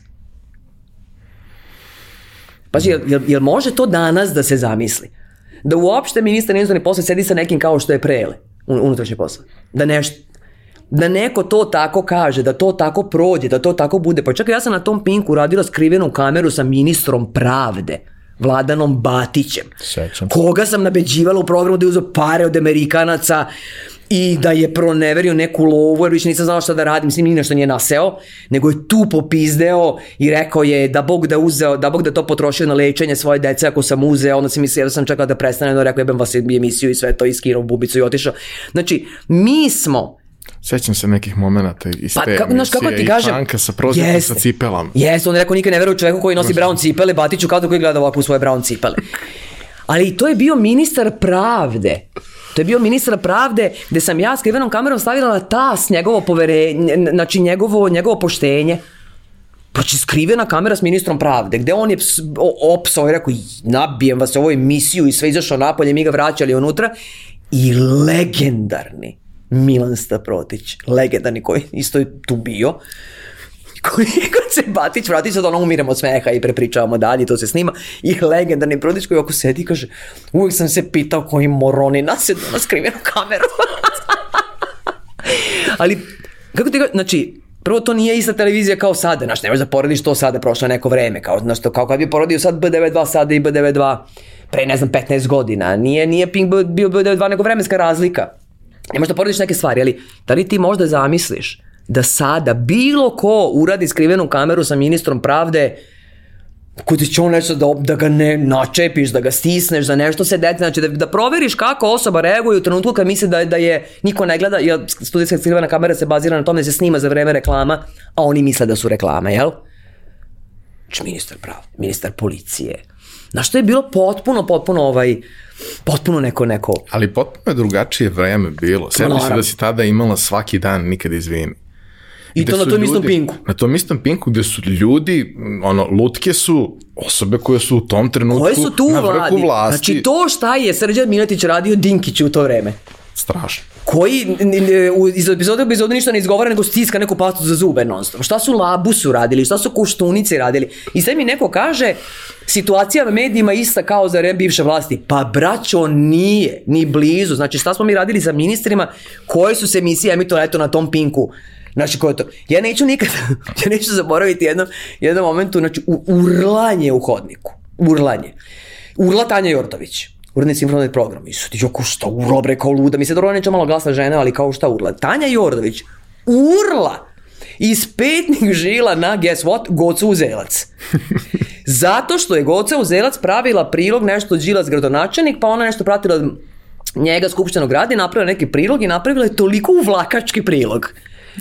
I toliko da je ova urla na nju i kaže napravi normalnu vest, nemoj se uvlačiš toliko, ne možemo, to, to se neće emitovati. Dakle, kao sad isto. Pa ne, ne, ne, ne, ne. Ne, ne, ne, nikako nije isto. Nikako nije isto. Mislim ja da, na, naš, da ne bude onda sam ja tu nešto prečutkujem, nešto, sam, imala sam ja taj, taj moment sa tim trenutkom istine koji je obskuran format, koji je sporan format koji sam radila, da se ja tu kajem, mislim možda mi je život negde bio lakši bez toga, ali, znaš, ja, ja sam ja, ja sam uvijek bila ljubomorna na ljude koji nemaju greške u karijeri. Ja ih imam, imaću ih još. Imala sam. Nisam ni bila svetica ni, na, ni, ni kad sam nešto drugo radila. Jednostavno, da li je greška, nije greška, tako je kako. Jer to jeste podložno svakoj kritici, jeste.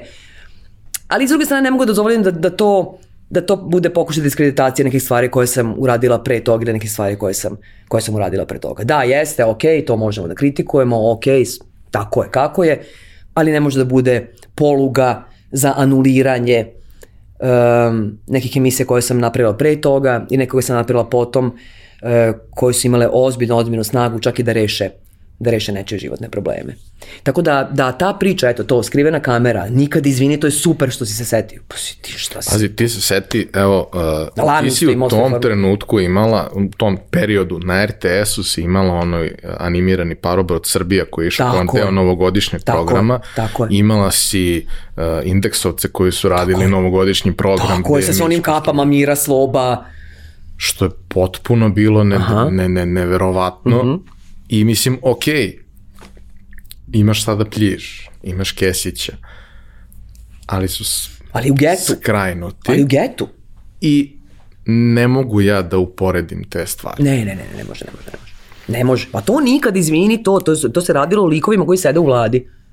Koji su pre dva sata bili u informativnom programu. Ja i dan danas pustim na YouTube neke od tih Apsolutno, epizoda. apsolutno, da, da, da, da. I da. mi dan danas ono 15 godina kasnije u našim ono internim komunikacijama referenciramo rečenice tako koje je, su tu bile tako je. jer su jednostavno Tako je. genijalne mislim Miletić. Jest.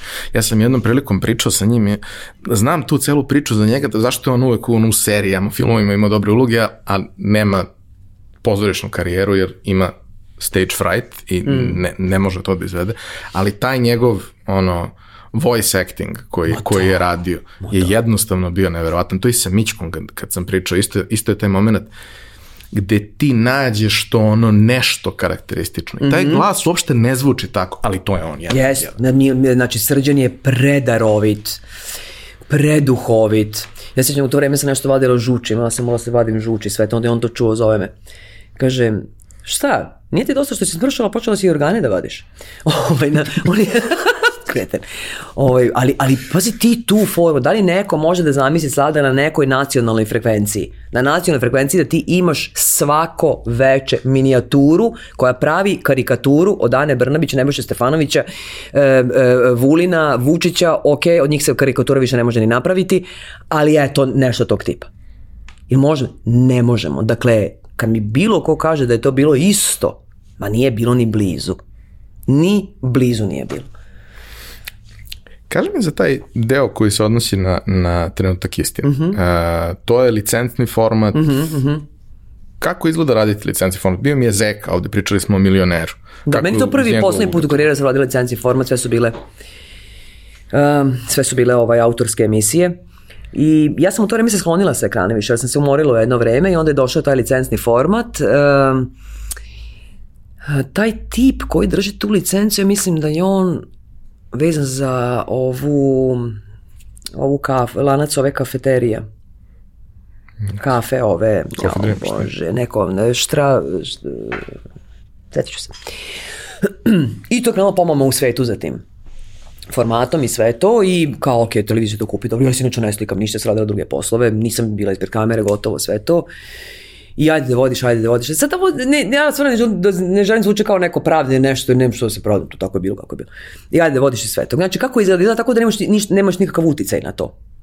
Ti kad daš licenciji format, nemaš, ti dobiješ to pitanje i to je to. Ti dobiješ tu, znači tu se izađe, tu se stane, tako se, moraš da se rukuješ sa, sa takmičarom. Postoji, znači svaki sekund je određen i ti radiš bukvalno da ništa se ne pitaš o svemu tome. Bilo je tu meni i neprijatno, bilo je to i tako kako je bilo i sad nemaš nazad, imaš nazad, ne znam šta.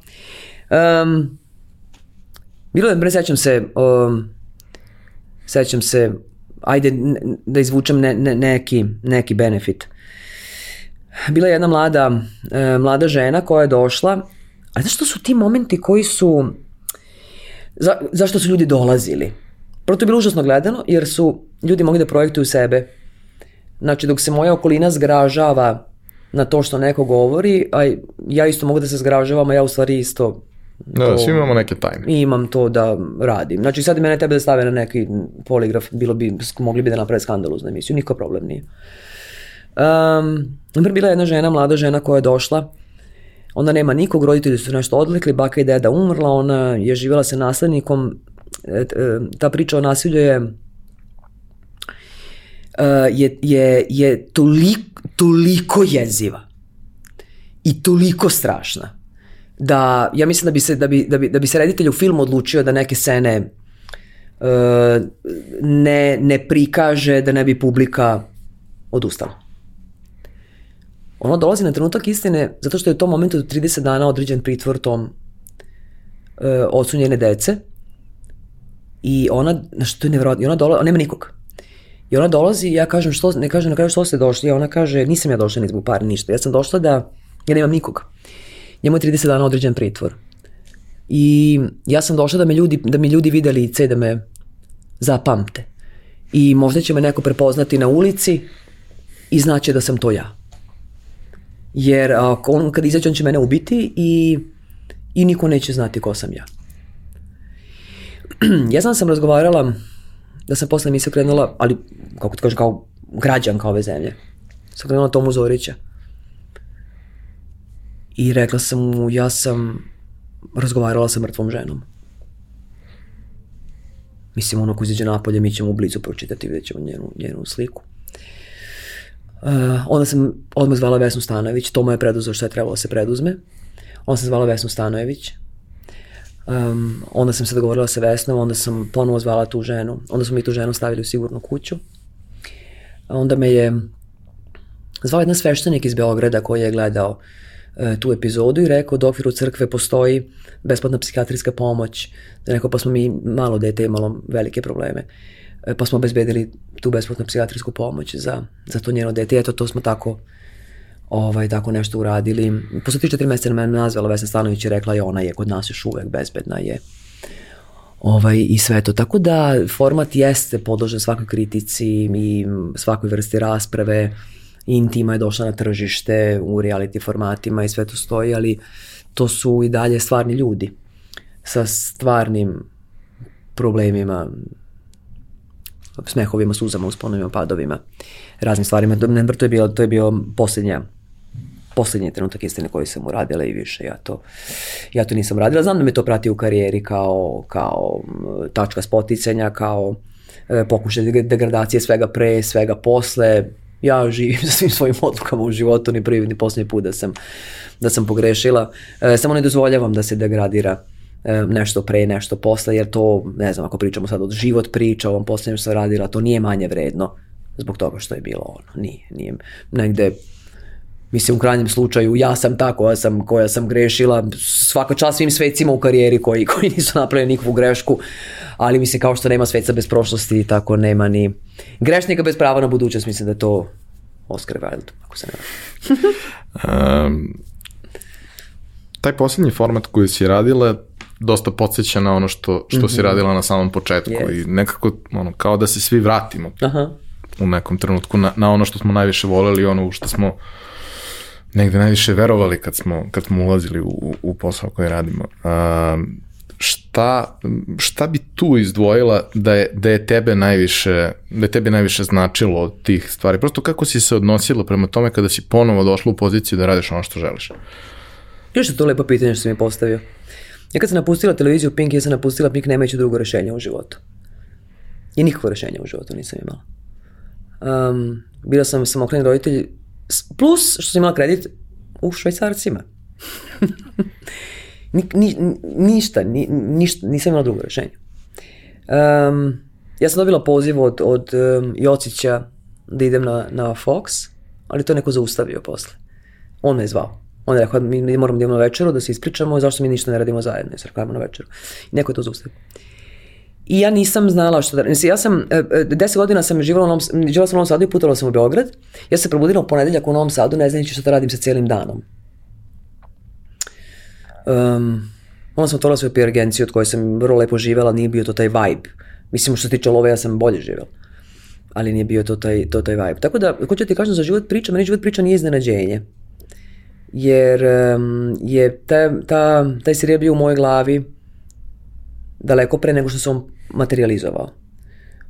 To su načini na koje ja postavljam ciljeve u životu i koji uključuju i, i vizualizaciju.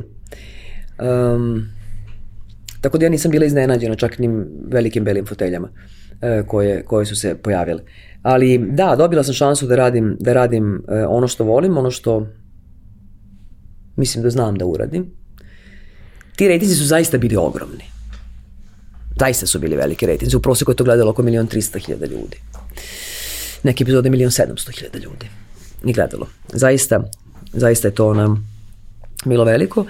nije bilo mnogo ljudi koji su verovali u početku taj projekat, tako da sam ja ovaj, i i krenula čak bez regulisanog odnosa sa, sa emiterom i tako. Ivan Ivanović mi je to dosta pomogao. Ovaj, savjetima iznutra kako su te stvari tamo, tamo funkcionisale. Uh, prve dve epizode su bile Aleksina priča, gde se rodila inicijativa da se poklon dobije, da Srbija dobije Aleksin zakon. Ja se nadam da će Srbija nekad dobiti Aleksin zakon. Uh, prvo, to je minimalno što ova država uh, duguje Aleksi njegovim roditeljima. E, Bojanoj Gagi, a drugo što Srbija plače za Aleksinim zakonom. I to se mora, to se mora zaustaviti. I sad kako, kako, je, kako je tu nešto, šta je tu nešto što je ostavilo traj? Znači, to, to su um, ljudi, ljudi, uh, to su ljudi koji nisu, nisu nikada sanjali da će doći na televiziju da ispričaju svoju priču, nego ih je muka naterala i ne promovišu tu svoj CD, niti svoj proizvod niti im je možda udobno to pričaju, ali to je poslednja oaza, to je poslednja stanica. Znaš, ti, ti vidiš to negde presek države kako funkcioniš kada dobiš ovoliki mail od, od roditelja koji kažu naše dete je užasno vršnjačka žrtva vršnjačkog nasilja, koliko ima godina? Sedam godina. I onda ti, kada otvoriš atač, imaš 57 dokumentata i nema kome se nisu obratili. Znači oni su se obratili i direktori nastavnika u radnoj inspekciji, ovoj inspekciji, prostorne inspekcije, republičke nivo i gradske nivo i sve, sve, sve, oni ne znaju šta da rade i oni kažu vi ste poslednje utočište. Znači roditelji deteta od 7 godina imaju poslednje utočište televizijske emisije, to nije normalno.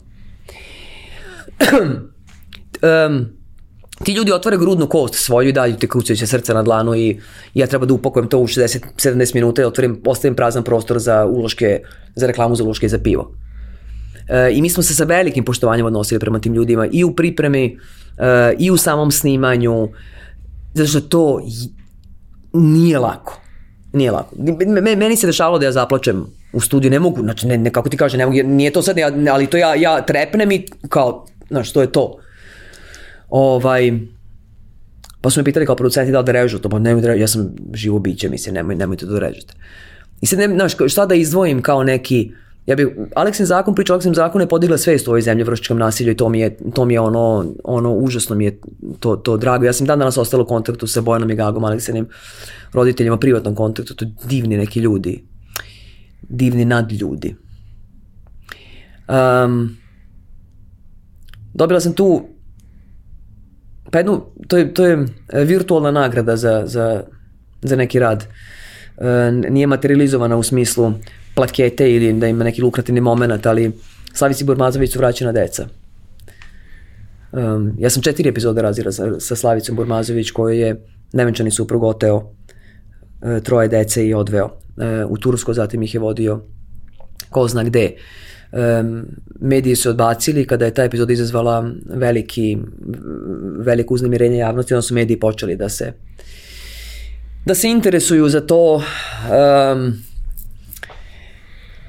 To je bio moment kada za drugu epizodu, ne, za prvu epizodu, pošto je taj slučaj zvanično proglašen otmicom, e, i nam je govorio neki tip iz ministra srednjenstvnih poslova koji je rekao to je to otmica međunarodne otmice dece po Haškoj konvenciji. Um, onda se desilo to da emisija treba da se emituje u 10 uveče, meni u 8.20 da ja kružim po Vračaru i tražim parking zoni, fiksni telefon. Ja se javim, Tatjana Vista, ja sam. Ko je to? Reče ime, zaboravila sam. Kažem, izvolite. Zovem iz ministarstva inostranih poslova. Što molim? Zovem iz MIP, pa rekao, što hoćete pola devet uveče?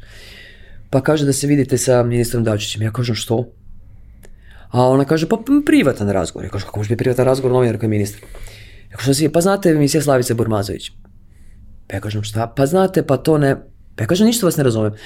E, pa znate, to možda ne bi valjalo zato što e, odnosi sa Turskom, e, odnosi sa Rusijom, Sirija. Ja kažem, gospođo, šta vi pričate? Pa ne, ali znate, ambasada nije srećan. Ja kažem, jel vi znate da je vama, da je nama u kameru dao izjavu čovjek iz MIPA, iz vašeg ministarstva? Znači, nismo ga tajno snimali. Za taj slučaj rekao da je otmica. Ja kažem, da vas dobro razumijem da vi pokušate zaustaviti ovo emitovanje? Pa ne, mislim i ta majka nek proceni, mislim ne. Ja kažem, jel vi znate da su to emituje za sat vremena? Ona kaže, Ii! bu. Če, tri epizode sam napravila s njom. Dakle, za, za, za vreme tih i u pauzama tih epizoda um, ja sam radila sve što sam mogla da uradim kao građanka uh, ove zemlje. Ja sam, sećam se da sam jednu u, u Pola noći sam zvala Rasima Ljajića kad smo dobili kad smo dobili informaciju da otac hoće da e, uda jednu od čerke koja je u tom momentu imala 13 godina. Ovaj, e, zvala sam njega, zvala sam Ivicu Dačića sam zvala nekoliko. Znači ja sam sve zvala. Mislim, mi znamo da smo na dve strane, ja sam sve zvala. E, Slavica je kod nas ponekad dolazila u redakciju da donese čokoladu i ona je uvijek govorila ja imam samo Srbiju i vas ovde u ovoj redakciji. Ja nemam nikog da mi pomogne. Znači, sve živo. Organizovali smo protest ispred, ispred, ispred vlade. Znači, šta, šta nismo radili? Uh, ta deca su se vratila zahvaljujući, ona, ona tvrdi da se deca nikad ne bi vratila da ne bilo toliko medijske pompe, ja tvrdim da se deca nikad ne bi vratila da ona nije takva kakva jeste. Ja ne znam od čega je ta žena sazdana. Ja ne znam od čega je ona sazdana.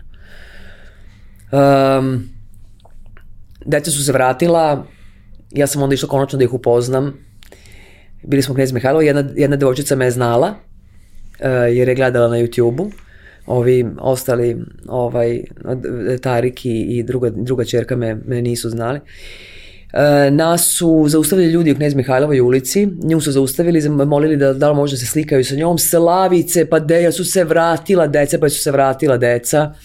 Ja pre toga, pošto letujem na Adi Bojani, odem u štoj, da kupim voće, prodavac voća u štoju me pita, samo mi recite šta je sa decom Slavice Burmazović. Uh, na Kosovu su me to pitali kad sam išla nešto da snijam i tako. I eto, ta deca su se vratili da danas nekad odem kod Slavice ovaj, uh, da to uradim. I sad, uh, na primjer, moram, znači, ona, deca su se vratila sa stvarima koje imaju na sebi i onom hranom što su imali u sebi, jel? Znači, ništa on, on im ništa nije poslao. Slavica je u tom momentu um, stanodavka poskupila Kiriju zato što je rekla ako se ti slikaš sa ministrom na aerodromu sigurno imaš više para, poskupeće stan.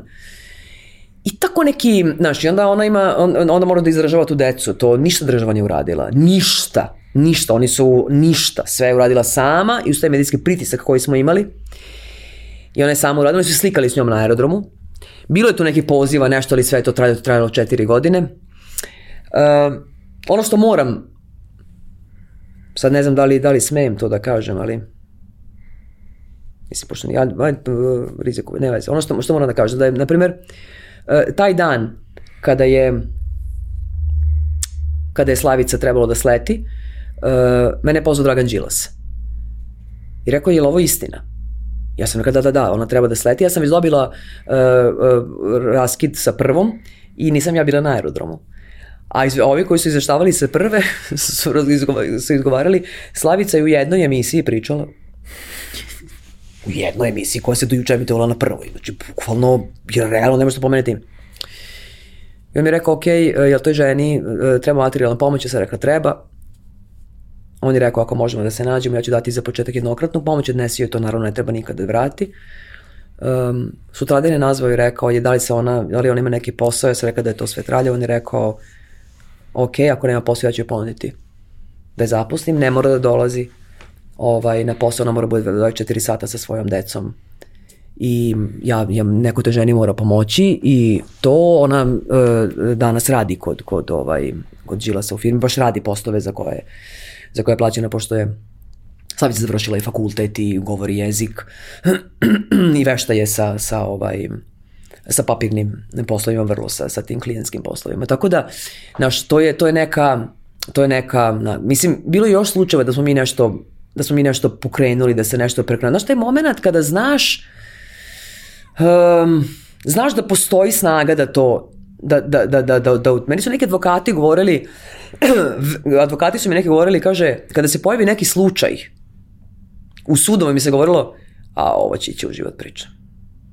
Znači, znali su već model koji će, ima jedna anegdota, mi smo radili jedan slučaj koji se oslanja na tužiloštvo u Kraljevu i Marijana Radeković-Irić, ja sam imala dve koleginice novinarke, nas tri je to radilo i montažer žone. I Marijana Radeković-Irić zove sa e, fiksnog telefona redakcijskog zove tužiloštvo u Kraljevu. U Kraljevu. Ili mislim da je u Kraljevu. I ovako, ovako ide Osoba kaže da, a Marijana kaže ovako. E, dobar dan, Marijana Radeković-Irić, saradnica Tatjane Vitehovske, emisija Život priča pored telefona. S druge strane čuješ? Aj, jao. Znaš tako, um, jako je bilo gledano. Mi smo imali srećenih priča. Um, ne samo ne samo ne samo nekih nekih tuga bilo i srećnih priča ljudi koji su izlazili koji su koji su napravili potpuno neke čudesne preokrete u svojim životima neke neke predivne promene Dve, stvari, dve stvari su, kad govorimo možda malo o društvenim mrežama, Facebooku, Twitteru, dve stvari su obeležile uh, ono većinski komentare. Jedan komentar jeste kada krene emisija, onda Twitter i Facebook piše sledeće, jebem ti državu gde mi to živimo. Zato emisija i čao. Drugi komentar kad su bile ove srećne priče su bile tipa ok i šamaraću sebe ako što jednom kažem da mi je teško.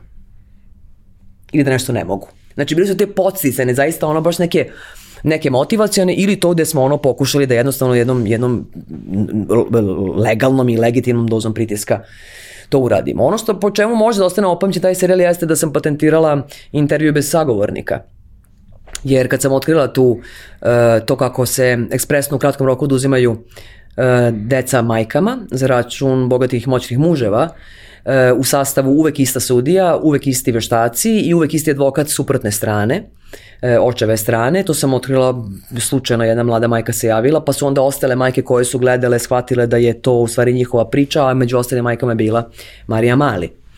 I Onda sam snimila još jednu epizodu sa tim majkama gde je došla i Marija Mali, e onda je krenulo dosta dosta po zlu. Onda je ta epizoda trebala bude skinuta s programa, ja sam rekao da neće biti skinuta s programa, meni je rečeno da hoće, ja sam rekao da ću saznati konferenciju na štampu i da ću reći da je skinuta sa programa i to još gore, onda mi je rečeno ali sad je kampanja, ja sam onda rekao da ja nemam ništa sa kampanjom, onda je rečeno ali to urušava rating Aleksandra Vučića, ja sam rekao da mi pokošu da sam ja potpisala da ja podižem bilo čiji rating, a pogotovo njegov, onda su oni me rekli, ovo je ali ti si opozicija, sam rekao ali vi ste vlast.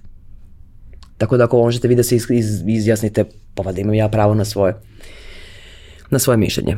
Receptiralo je time što je Siniša Mali ekspresno vratio svojoj ženi majci svoje dece tu decu, su, povučene su sve tužbe protiv nje. Deca su je vraćena i ona je potpisala saglasnost um, da se, od, ona je povukla, povukla saglasnost za emitovanje. Što je bio, mislim, bilo bez veze, ali ok, ja sam rekao dobro, ok, nema saglasnosti, nema emitovanja, ali sam um, verovatno na opšti užas tamo, uh, sam izbacila delove koje ona govorila i ostavila sam samo moje pitanja. Snimila sam novu uvodnu reč gde sam rekla šta je trebalo da bude, šta se neće desiti zbog toga što je bilo. I ja sam ostavila moja pitanja s kojih se dovoljno čita. Tako da je emitovana emisija koja se zvala Ostaci jedne epizode, uh, intervju bez ikakvog sagovornika. I svima je bilo ovaj, uh, sve jasno to me dosta koštalo ovaj, neke nemilosti, jer to, to, je neki backstage priča, znaš, koji ljudi ne znaju. Um, neka, znaš, nekako, mislim, e, ne možeš ti te probleme kad radiš na novoj jesi na N1, ali to treba da radiš tu gde si, da se tučaš da to bude, znaš, ima dosta ljudi koji su prešli kao nova SN, koji su, koji, kad su radili, nisu radili tako kao što rade tamo, nego su one, kako zove one mali, one mali pas što svira violinu. Ovaj, nego su to, a sad kao kad smo tamo, ne, ovdje, mislim, zna Ivan Ivanović, zna, zna on to, voleo ga neko ne voleo, zna koja je tamo tuča bila. Drugi problem je bio strašan koji se napravila su četiri epizode o Lučanima i pogibijom ovaj, pogibijom uh, radnika i sa njegovom porodicom. To je isto, to je isto bio problem. I, i treće što se napravili su, su četiri epizode o Jutki i to gostovanje koje je usledilo ovaj, posle toga. Ja sam gostovala sa onim što je tada Alo uređivo, onaj Duš, Vuk, Vuk, Vukaj, Vukajlović. Ovaj, s njim sam gostovala i Jutka još uvek onda bio još uvek je bio i predsednik opštine Brusi i sve je to bio. Meni je Marija Lukić rekla uh, da se suđenje preokrenulo nakon, nakon kada je on dao ostavku, a ostavku je dao nakon mog gostovanja u jutarnjem programu. Mislim, ja sam tu izgovorila sve što sam imala ja sam izgovorila da on i dalje SNS, da je on i dalje e, tamo u odboru, da on i dalje predsednik opštine, da Aleksandar Vučić štiti silovatelja od seksualnog dostavljača i seksualnog predatora, jer hej, on je i dalje tamo. Znači, ako ne reaguješ, tebi je to okej. Okay. Vukanović imao drugu tezu, ja sam imala drugu tezu i sve to, i kako sam izašla iz studija tako I krenuo telefon, razgovori koji počinu, sad si preterala, ja kažem je sve bila materijalno netačna, znači ja sam ga sve što je tačno, ne, ti si preterala, ti, se, ti uh, imaš kampanju protiv Vučića, ne, to je tačno. To je jednostavno tačno.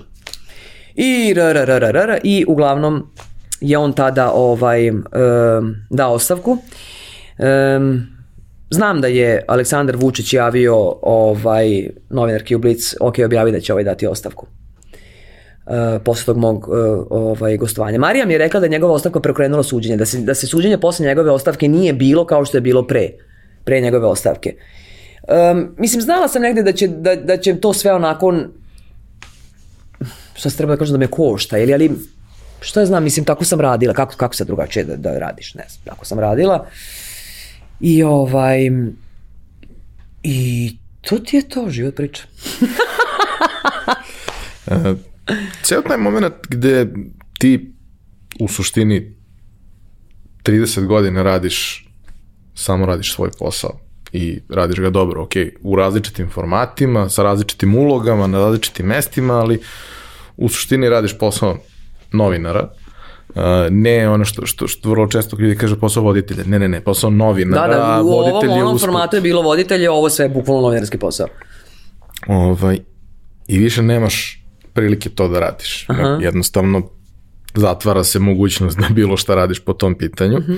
A ja se sećam pre par godina, mislim ima sa tome možda i 7-8 godina, a, bio je TEDx Zemun i a, nekoliko mojih prijatelja je bilo tamo, ja nisam mogao da dođem iz ne znam kog razloga, verovatno zdravstvenog, ali izašli snimci. I ja sam naravno pogledao sve to i naravno imate tamo između ostalog snimak Srđana Ercega koji priča sve ono isto što priča kod mene već četvrtu epizodu i pričat će vjerojatno još bar peti, to je Srđan. On ne može da se suzdrži. Ovaj, ali tu ima jako, jako zanimljivo predavanje gde možda vidimo jednu novu stranu tebe s kojom u principu niko od nas nije imao nikakvog kontakta. Ok, kogod je gledao ono što si radila autorski, znao je da ti ne možeš biti baš ovako najjednostavnija osoba na svetu i da si ovako prilično čvrstih nekih stavova i da je svašta nešto tu utkano u to tvoje znanje i način na koji radiš svoj posao i kako se ponašaš i kako se boriš sa svim tim da preguraš kroz sve to. Ali tad prvi put uh, adresiraš na nekom ličnom nivou te teme. To uvek si ti bila sredstvo da ljudi ispričaju priču, a tu prvi put mi čujemo makar deo neke tvoje priče. I mm, taj govor, to predavanje mi je bilo jako jako značajno. Mislim da sam ga pogledao sigurno 7-8 puta. Hvala. Ako jednom godišnje ja to pustim. Imam tako neke stvari koje s vremena na vreme pustim da se podsjetim. I uh, tu prvi put pričaš malo više o tom nekom radu na sebi i izlasku iz onoga što je okvir formalnog obrazovanja i uobičajenog školovanja kroz koje svi manje više prolazimo. Kako si ti došla u kontakt uopšte sa svim tim i kad si krenula da, da radiš na sebi i zašto si krenula da radiš na sebi? Najteže, najteže su pitanja koja počnu se zašto. E, ljudi na to nemaju odgovor i negde moraju da, da idu duboko u sebe po taj odgovor. Um, nemam odgovor na to pitanje. Mogu da ti kažem kada, pa da probamo da nađemo, da nađemo zašto. 96. godine sam počela da radim, da radim na sebi. Moja majka je magistar psihologije i ona se u to vreme već 80. godina okrenula nekim drugim vrstama psihologije, nekim alternativnim psihologijama. Ja sam od nje naučila, na primjer, sam, sam naučena autogenom treningu. I od 96. godine sam ja praktikovala um, autogeni trening ili neke silove metode, nešto, čitala sam tu literaturu, to nije bilo da se kupi, dolazilo je fotokopirano, povezano u fascikle sa metalna, one, onim metalnim, znaš. Um, I ja sam se vremenom razvijala i rasla sam i menjala sam poslove i dalje sam radila na, na, na, na, na sebi, inače ne podnosim tu floskulu rad na sebi, meni se bukvalno ne podnosim. Um, ali nije to bilo to, ja sam osjećala da to, nije to. U momentu u, u životu kad sam ja imala super lovu, super kola, super stan, svoje kartice, šta me briga, putujem ovako, onako, ja sam se budila sa ovako sa, kao da, kao da mi je rupa ovde. Ili, os, ili osjećaj praznine. Jednostavno, im, sve ok je sve, ali, ali sam imala ta osjećaj praznine. Um, Međutim, ako ti, ako, a, ako ti govoriš da, da imaš te osjećaj da si nezadovoljan, vrlo često do okoline može da dobiješ, pa pogledaj šta sve imaš. E, nemoj biti nezahvalna. Onda ti bude još gore, jer kao, kao loš sam čovek ako sam nezahvalna. Mislim, i to je jedan, tu je sistem spojenih sudova, ali sam znala da nešto nije u redu. Um, moja porodica uvek bila podržavajuća, jak, uvek, uvek, uvek, uvek. Mi svi, svi smo radili najbolje što možemo, ali mi smo najbolja porodica sa svet kod smo počeli da nazivamo stvari pravim imenima. Jer mi se svi u porodici igramo te igre. Godinama. Um, ja sam tragala šta ja s tim da radim, kako ja to da otklonim. To nezadovoljstvo koje tinja. Razne sam ja to edukacije prošla, razne i sve se stvodilo na šta? Znaš, kao šta bi trebalo raditi, ali, ali uh, znaš, niko ti ne kaže kako. To je kako ti neko kaže, ti si jak, prebrodit ćeš to. A ti se misliš, ne znam kako će prebroditi, ja ću se raspasti, jel?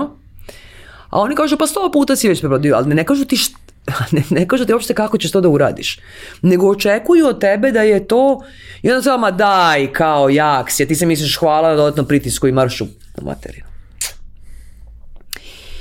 I onda nisam mogla da nađem kako i da nađem kako i da nađem kako. Mene to intuitivno vodilo, ja sam to kopala i po internetu i tražila, čitala literaturu i sve to i nađem na NLP.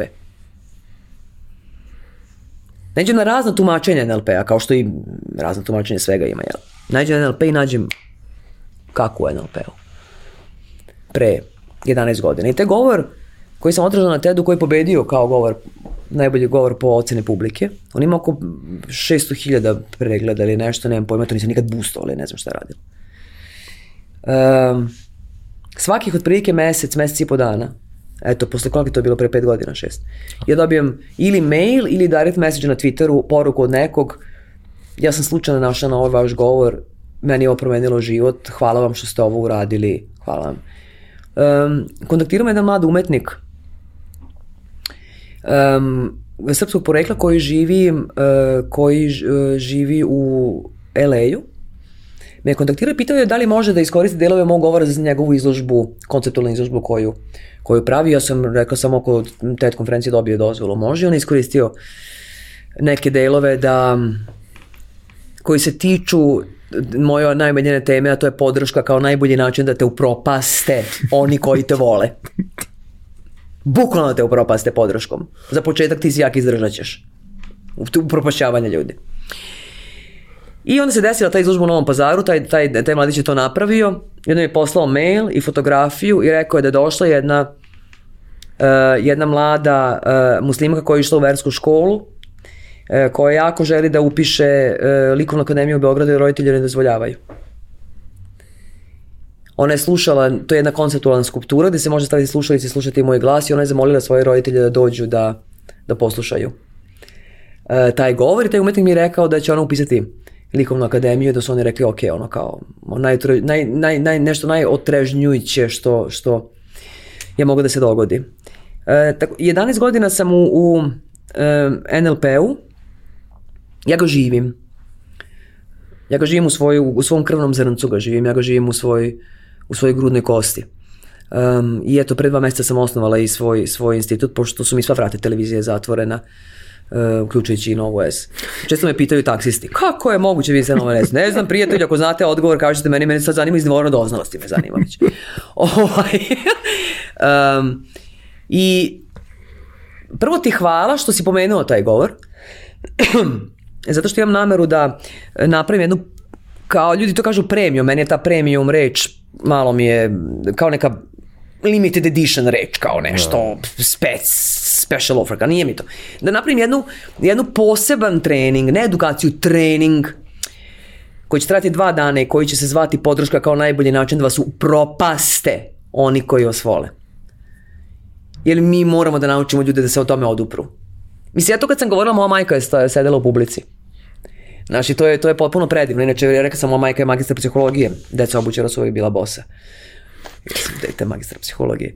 Um, ali da, zaista, mene je NLP naučio um, da da, da je sticaj okolnosti nije stvar o kojoj trebam nešto mnogo razmišljati. Nema tu nešto sticaj okolnosti i, ne, i ne, nema tu nekog, nekog čekanja i da je lista našeg opravdanja zašto nismo pokušali, zašto nismo uspeli ogromna. Ali ništa to nije, ništa to ne treba stavljati ljudima, na teret. Um, na, na treninzima koje ja držim, kao ti kažem ovako, na treninzima koje ja držim, nećete nikada čuti vaši problemi nisu problemi, nego su izazovi.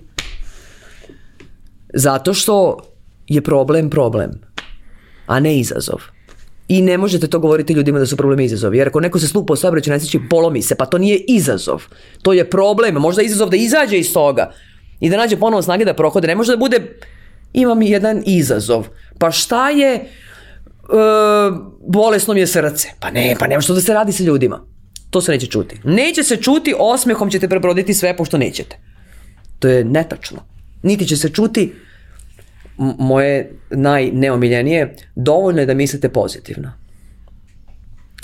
Znači, ne da nije dovoljno, nego, nego to bude još gore, pošto ljudi to probaju i to naravno ne radi i onda ljudi misle, aha, ovo radi, ali ne radi za mene, slash, meni nema pomoći. Ima tu jedan moment na koji se se ja često ovaj, osvrćem uh, kad komentarišem gomilu ljudi iz mog nekog profesionalnog okruženja, dakle ljudi koji su, hajde kažemo primarno u marketingu, Aha. koji su kroz neko vreme pravili razne vrste edukacije, koje su postavljene po principu ukoliko si nezadovoljan novac ti vraćamo i tako dalje, ali je ceo model, ne naravno kod svih, ali kod nekih, ceo model je napravljen tako da ako si nezadovoljan ti si kriv. I ti treba sebi da priznaš da je to tvoja krivica i to niko neće uraditi i niko neće tražiti novac nazad. Jer je sve postavljeno tako, mi smo ti dali sve, ti samo to treba da uradiš, ako ti to ne možeš da uradiš, problem je u tebi. Ja, ko- koli, znači, koliko je to, znači, bukvalno sam se malo naježila. I ja isto, Znači, to je toliko... Um, ne možete to raditi sa ljudima. Mislim, ja znam da u svakoj profesiji može nešto se zloupotrebi, da neko krivo protu, ali ne možete ovo da radite sa ljudima. Znači, o, govoriti ljudima da su sami izabrali da budu nesrećni, što rade koučevi ili treneri, pa kako možete to da radite? Pa to je kao da je sami ste izabrali da budete bolesni. Govoriti ljudima, vi možete izabrati ne, uspeh, a možete izabrati neuspeh. Pa čekaj, pa ko je, pa ko će da izabere da bude neuspešan? Znači stvari koje se nalaze kao neke prepreke između nas i nekih naših napredovanja, nekih naših uspeha, nekih, nekih boljitaka, nekih, nekih života po meri. Zavisi šta je za koga uspeh. Nekog za uspeh da drži plažni bar negde na nekoj super plaži, sluša dobru muziku, ima da pojede i popije. Znači nije to stvar samo lukrativnog momenta, ali stvari koje se nalaze između toga su stvari kojih mi nismo svesni i to je jedan mehanizam. Dakle, NLP jeste utemeljen u neuroanalizi da mora da osvesti neke stvari. Znači, ako ja nisam svesna šta čini moju grešku u razmišljanju, kako neko može da mi kaže da sam odgovorna za to? Ne može da mi kaže da sam odgovorna za to što nečega čega nisam svesna. Dakle, ta vrsta koučeva i trenera dovoljno da mislite pozitivno. Ako naučite ovo, imat ćete super momka i svi ćete se obogatiti, nikad se nećete svađati, na primjer, ima to kao nećete, ne, svađat ćete se. Što nije problem, pa svađa je normalna stvar, pa mi smo ljudska rad. Znači, nije NLP da pravi robote od ljudi koji će da se pretvaraju kako im je super i sve je odlično, jer kada ljudi krenu na takve edukacije, to se ne desi. I onda, onda početne euforije se ovako pada dole i bude još gore nego sa nulte tačke. Ono što ja radim jeste, jel može da se napravi promen? Može. Jel može preko noći? Ne može. Jel može? Može. Ne može preko noći. on može preko noći da se krene. Ali bukvalno preko noći može da se krene. Dakle, prvi trening koji sam imala, bilo je 50 i nešto ljudi, uh, većinski komentari su onako, ja, ja zaista nisam verovao da ja mogu, sad, sad jedna žena se javila u zapletnu Facebook grupu i rekla, ja sam ušla u 9.15 ujutru u subotu kao jedna osoba, a izašla sam u nedelju u 6 kao druga osoba. Dakle, ja sam prošla tu promjenu na sebi. Samo kad to može da se pokrene. Sada meni velika čast i veliko mi je zadovoljstvo što su bili ljudi kod mene koji su i master NLP. Kad sam ih videla, rekao, šta radite, ovo je najosnovniji nivo. Međutim, oni nastavljaju dalje. Ovaj dvoje njih mi je reklo da oni tek sada razumeju kako to funkcioniše. Da tek sada kapiraju koji je to proces i kako i kako to funkcioniše. Tako da divan je taj NLP, on je divan zašto on za- zaista sadrži kako, on sadrži onaj ključ koji ti nedostaje da, da otvoriš ta, ta vrata. Ne dajem ti ja vrata ni bravu, imaš. Ali ključ ti nedostaje, bar pravi ključ da tu staviš. I, i, e, i može to da se napravi. Zaista može. Divno vidjeti kako ljudi, kako ljudi naprede. Kako, ja, vidi da ti kažem jednu stvar. Da budem potpuno onako otvorena, sva što sam ti ovde ispričala danas. I dokle traje ovo dođe, vola? Još malo. Aha, ovaj, e, znači bude sk- potpuno da ti kažem sad, znači ja sam pre, uh, eto koliko ima sad već, koliko je prošlo, znači sled događaj je sledeći. Izgubila sam najboljeg prijatelja. Znači, Boris Trivan je otišao, kako ti kažem, nije trebalo da ode. Nije. Ja sam bio u Americi, e, nešto sam kratko bio tamo poslom i stiže mi poruka od kolege da se to desilo kao me zajebavaš. Ne, ne kao bio je na konferenciji, odnosno na, Berlinu. na nekom putu u Berlinu i kao Da. Da. šta, kako, da.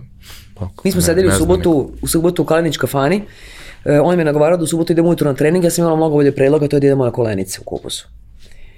I mi smo otišli na kolenice u kupusu i tamo sam jedan bio jako zabrinut um, za mene, jer sam radila ovaj, um, emisiju o Lučanima i tu sam počela da dobijem neke pretnje.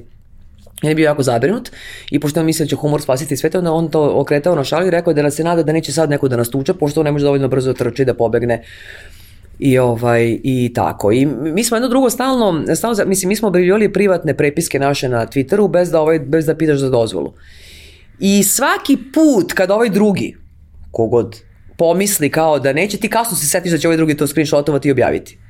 To je, I tako, ima na Twitteru ima gomila naših privatnih prepiska koje sam objavila ili ja ili on i ono kao fuck, gotovo je neko je objavio. To smo jedno drugom radili, zna. I pošto on bio zabrinut za mene, da li će se meni nešto dogoditi, on sam, onda je počeo idioti da priča o nekim sahranama i tako. I onda smo se dopisivali, kad smo se, kad smo se rasli dopisivali, i to je poslednji njegov tweet i poslednja njegova prepiska koju je objavio sa mnom i poslednji tweet ujedno gde on meni kaže a što se toga tiče molim te kada ja umrem nemoj samo da, da ovaj, molim te da me, da me kremiraju ne mogu da podnesem zvuk udarca zemlje o sanduk. Ja mu kažem ni ja. Um, to je grozno, a on kaže uh, i, i nemoj samo da mi dolaze i, i, kako bi rekao, nemoj samo da dolaze da mi dolaze svi bivš, uh, svi bivši jer, jer će kamenjem da gađaju sanduk. I ja kažem pa da moraš napraviti spisak, on kaže spisak je podugačak. I moja sledeća poruka je da idemo u pozorište. E, I užasno mu se nije išlo u Berlin. Jako mu se nije išlo u Berlin. I on izašao u Berlinu na konferenciji Noiza, ispalio je neki fazon, rekao je dobar dan i pao je kao da je metkom pogođen. Um, u kontekstu NLP-a koliko su emocije, fiziologija tela um, i um koliko su, koliko su povezani. Um, znači ja sam se tih dana bavila organizacijom sahrane i, i organizacijom kremacije, to me zamolio. I, ovaj, I kad je to, kad je to prošlo, ja sam uh, se u jednom momentu probudila u toku noći sa nekim osjećajem koji ja nisam znala šta je. Imala sam osjećaj da, je, da mi je srce poskočilo na drugu stranu grudi ovako, ali uh, tako neki osjećaj kao, to, to mene trglo. I ja kao, pa šta? I neki čudan osjećaj u telu i i to prođe. E, sutra se to ponovilo, onda ništa, on se ponovo ponovilo u toku noći i ja sam rekla ja moram ići kod lekara. Ja ne znam šta je ovo. Ja sam otišla kod lekara, on je pitao šta je, ja sam rekla imam aritmiju. On rekao aritmiju, ja sam rekla, sad kad me tako pitate, ja ne znam da li je to aritmija. Ali dešava se to, on je rekao to nije aritmija. Ja kažem šta je, dođevala. Zašto pričam detalje svog zdravstvenog kartona? Uh, on je uradio taj snimak ultrazvuk i to se desilo u toku samog snimanja i rekao to ovo, ja sam rekla jeste. Um, I on je rekao, ok, završili smo kao sediti. I pitao šta se dogodilo u posljednje vreme. Ja sam rekla, izgubila sam prijatelja. I ne mogu dan danas ja da se oporavim da sam, da sam ja i dan danas hoću mu pišem poruku. Je, ovaj, on mi je rekao, ta dijagnoza je ustanovljena, ako se ne varam u Japanu, prvi put i teže je došla našla put do Evrope. Ali danas postoji kao dijagnoza. To je dijagnoza, ona, ona kao dijagnoza kaže sindrom slomljenog srca. Dakle, srce je slomljeno od iznadnog naleta tuge. Um, on je rekao, pratit ćemo, vidjet ćemo da će to da prođe. Kako je rekao da ste im, kaže, rekao mi da ste imali, kaže, imali ste ludu sreće, pošto može mehanički da se, da se ošteti. Toliko je, toliko su snažne emocije. Ja sam našla konačno um, sagovornika da mogu da pričam o toj, o toj vrsti povezanosti. Izgubila sam Borisa, onda sam izgubila uh, posao isto kada se nisam nadala da će to da će to da se dogodi. I onda sam izgubila pravo na rad. Jer je sve ovaj zatvoreno. On se napunila 50 godina, što je za ženu neki moment kao ok, o kome se ovde tačno radi. Sad imam više od 50. I sve je to, zašto ti to pričam, sve je to. Meni da nije bilo NLP-a, ne bih ja ovo pregurala. Mislim, ne, nekako bi, prvo- ali ne bi, ne, bi, ne bi sad bila ovde kod tebe i pričala i pokrenula svoj posao i uživala potpuno u tome i radovala se i putovala i znala da ću da rešim neke stvari. Ako ne vidim konkretan, ja znam da ću ih rešiti. Zato što sve to što ja učim drugi ljudi, ja to sve stalno radim na sebi. Stalno. E, ali to, da se u tim situacijama osmehujemo i pravimo da je ovo izazov, ne. Znaš kako, ovaj, uh, nedavno mi je e, psihijatar kod koga idem uh, rekao uh, to, kao, vi, vi ste jako pametan čovjek, uh, mnogo razmišljate, ko razmišljate, ne valja vam to, i još par nekih stvari. Jedan mi je u jednom trenutku rekao, problemi sa kojima se ti boriš i s kojima ćeš se verovatno izvesno izboriti u nekom narednom periodu, to su problemi koje imaju jaki ljudi. Ljudi koji nisu jaki ne dođu u tu fazu da je to toliko teško, ne dođu u tu fazu da se ti osjećaš toliko loše zbog toga svega. To je problem sa tim što si ti jak i što ti možeš i što ti možeš da natovariš na leđa ceo svet da ga nosiš, ali u nekom trenutku više mnogi to ne mogu da nose. Tako je. Srce možda može, ali neki deo tela ne Ili može. srce neće moći, ili noge neće moći, ili Nešto nešto neće, neće moći. moći. Samo što ja zaista mislim da je jačina u tome da priznamo da smo slabi ponekad. Apropo podrška kao najbolji način da, da vas upropaste oni koji svole ti si jak, ti si jaka, ti ćeš probodit ćeš. Ne! Znači da, je- ali jačina u tome je da da kažemo da nismo, znači da kažemo, da nazovemo stvari pravim imenom, to je jedini način da izađem iz nečega. Ono što mene je naučio, što ja učim drugi ljudi jeste, ja ne mogu da promenim situaciju oko sebe. Ja ne mogu da promenim ni kakav si ti čovek, kako je promenim pravo. Niti kakav je on, ne mogu ništa. Ali ja mogu da promenim svoje stanje i sebe sprem nečeg. Mislim, ako sad ovde opali tsunami, pa, je, ka- pa ne možemo nas troje ovde ništa da uradimo. Je tako? Ali će se spasti onaj ko uspe da sačuva sebe u nekim okolnostima. Uspe da, da, da, da rukovodi svojim stanjem u nekim okolnostima. To nije odustajanje od sebe. To nije gušenje emocionalnih reakcija. To nije pravljanje ljudi koji se nikada ne ljute, nego su poput briz očenih domaćica. Ne, to nije to. To nije, to nije poništavanje nečije ličnosti. To je stravičan, odličan, dobar alat koji ti pomogne da ostvariš ono što možeš da ostvariš. Znaš kako ja to često kažem kada pričam sa ljudima, a u tim su nekim situacijama u kojima prosto nešto nije fair Mhm. što se dešava. Jednostavno ima mnogo takvih situacija i svi Naravno. moramo da nađemo Pa naravno, neki naš pošto, mehanizam. Pošto svet nije fair inače. Kako ćemo da se izborimo sa tim? Ja sam pričam, ok, kao, jesi, šta si ti uradio po tom pitanju? Poradio se to. Jesi uradio sve što si mogu da uradiš, sve što je bilo do tebe. Ako jeste, to je jedna priča, ako nije, onda možda ima nešto što sebi može da prebaci jer nije uradio sve što može. Ali ako jeste, šta još možeš? Ne možeš ništa. Ovo drugo nije u tvojoj nadležnosti. Ma tako je. Ma tako je. To je kao da se nervi- nerviraš što pada kiša. Pa kako da se nerviram što pada kiša? Pa ja mogu da uzmem kišu, pa da ne uzmem. Ja nemam kako, kako. Ali to se uči kako da sabiješ u sebi da se ne nerviraš što pada kiša. Who cares pada kiša, okej. Pa možeš da se nerviraš, ali prihvati da prosto neke stvari nisu do tebe. Pa naravno. I prihvati ono što jeste Pa do naravno, tebe. jer fokusiranost na nešto što ne možeš da rešiš ti apsolutno anulira sve ostale informacije koje su tu negde oko tebe, jer si ti fokusiran na nešto što ne može. Znači NLP se inače bazira na tome da ti to za malo ovako pomeri pomeri percepciju, pomeri fokus, pomeri način gledišta, pomeri to. Ili obična rečenica, šta si, jesi pokušao sve? Pokušao sam sve. Šta si pokušao? Poslao sam mailove. Koliko? Sedam. Dakle, NLP nas uči da, da, da e, ta naša me, takozvana mentalna mapa, koja što je kolokvijalni izraz, ona se može promeniti. A to ja sam takav mi je bio stric, ja sam takav mi je bio otac, povukla sam, to se može promeniti. Znači minimalnim ovako, samo malo da se pomeni ovako rakurs, da se ne fokusiraš na ovo, nego da naučiš kako da se fokusiraš da fokusiraš na ono što hoćeš, jer inače većina ljudi na, na svetu fokusira na ono što neće. Mnogo ljudi jako. Pre nekog vremena su bile olimpijske igre.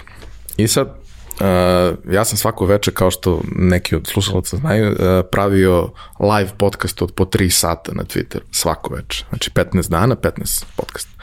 Sa gomilom nekih gostiju i pričali smo o tome šta se dešava na olimpijskim igrama, šta će se dešavati naredni dan i jedna od stvari kojima smo se bavili bila je ovaj, uh, medalja koju je osvojio Milenko Sebić u pucanju puškom. To je trostav, vrlo kompleksna disciplina. Naši strelci su uvek donosili medalje, ovaj, u Riju nisu, ali generalno imaju kontinuitet uspeha već više od tri decenije. I sad, ljudi znaju da naravno mi možemo da očekujemo neke medalje od strelaca, ali ne znaju šta mogu od koga ne prati to, niko ima možda nas par stotina ili hiljadu, dve koji prate to nešto u Srbiji. Ja pratim vrlo posvećeno gomilu tih nekih malih sportova jer poznajem te ljude. I za mene to nije taj sport, za mene je to ono što Zorana i Jasna pucaju, za mene je to ono što Milica vesla, za mene, prosto to su neke stvari koje su mi prilično lične. I sad, dešava se to da a, Milenko ulazi u finale, da u finalu kreće sa nekim onako relativno ok rezultatom, ali finale je osam mesta, tri mesta su za medalje i možeš ti da uradiš sve ok, moraš da uradiš malo više od toga da bi došao u priliku da osvojiš medalju. Na kraju on uspe da osvoji medalju, tako što se desi uh, da je on sve pucao kako treba, nigde nije napravio veliki kiks, što jeste ono negde poenta kod njih, svi oni mogu pogodati centar, ali fora u tome mm -hmm, da što manje malo. variraš mm -hmm. od, od tog najboljeg hica. I on uspe da osvoji medalju, ali uspe da osvoji medalju tako što su dvojica takmičara koja su bila bolje od njega veći deo napravila dve greške. Jedan je opalio loš hitac, a drugi je opalio hitac u susednu metu greškom.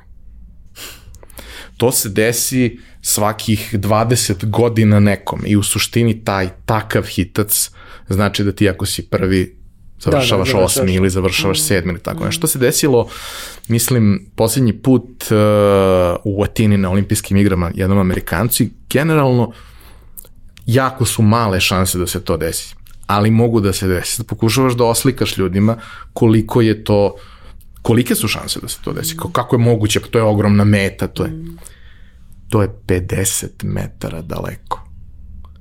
Te mete su jedna od druge na 2 metra. Na 50 metara. One su. To da promašiš, mhm. -huh. ti si bukvalno pomerio pušku milimetar. Uh -huh, uh -huh. Ne piše na meti tvoje ime, piše neko slovo to nije slovo koje si pucao u kvalifikacijama, pitanje da li možeš svaki put da se setiš koje je tvoje slovo.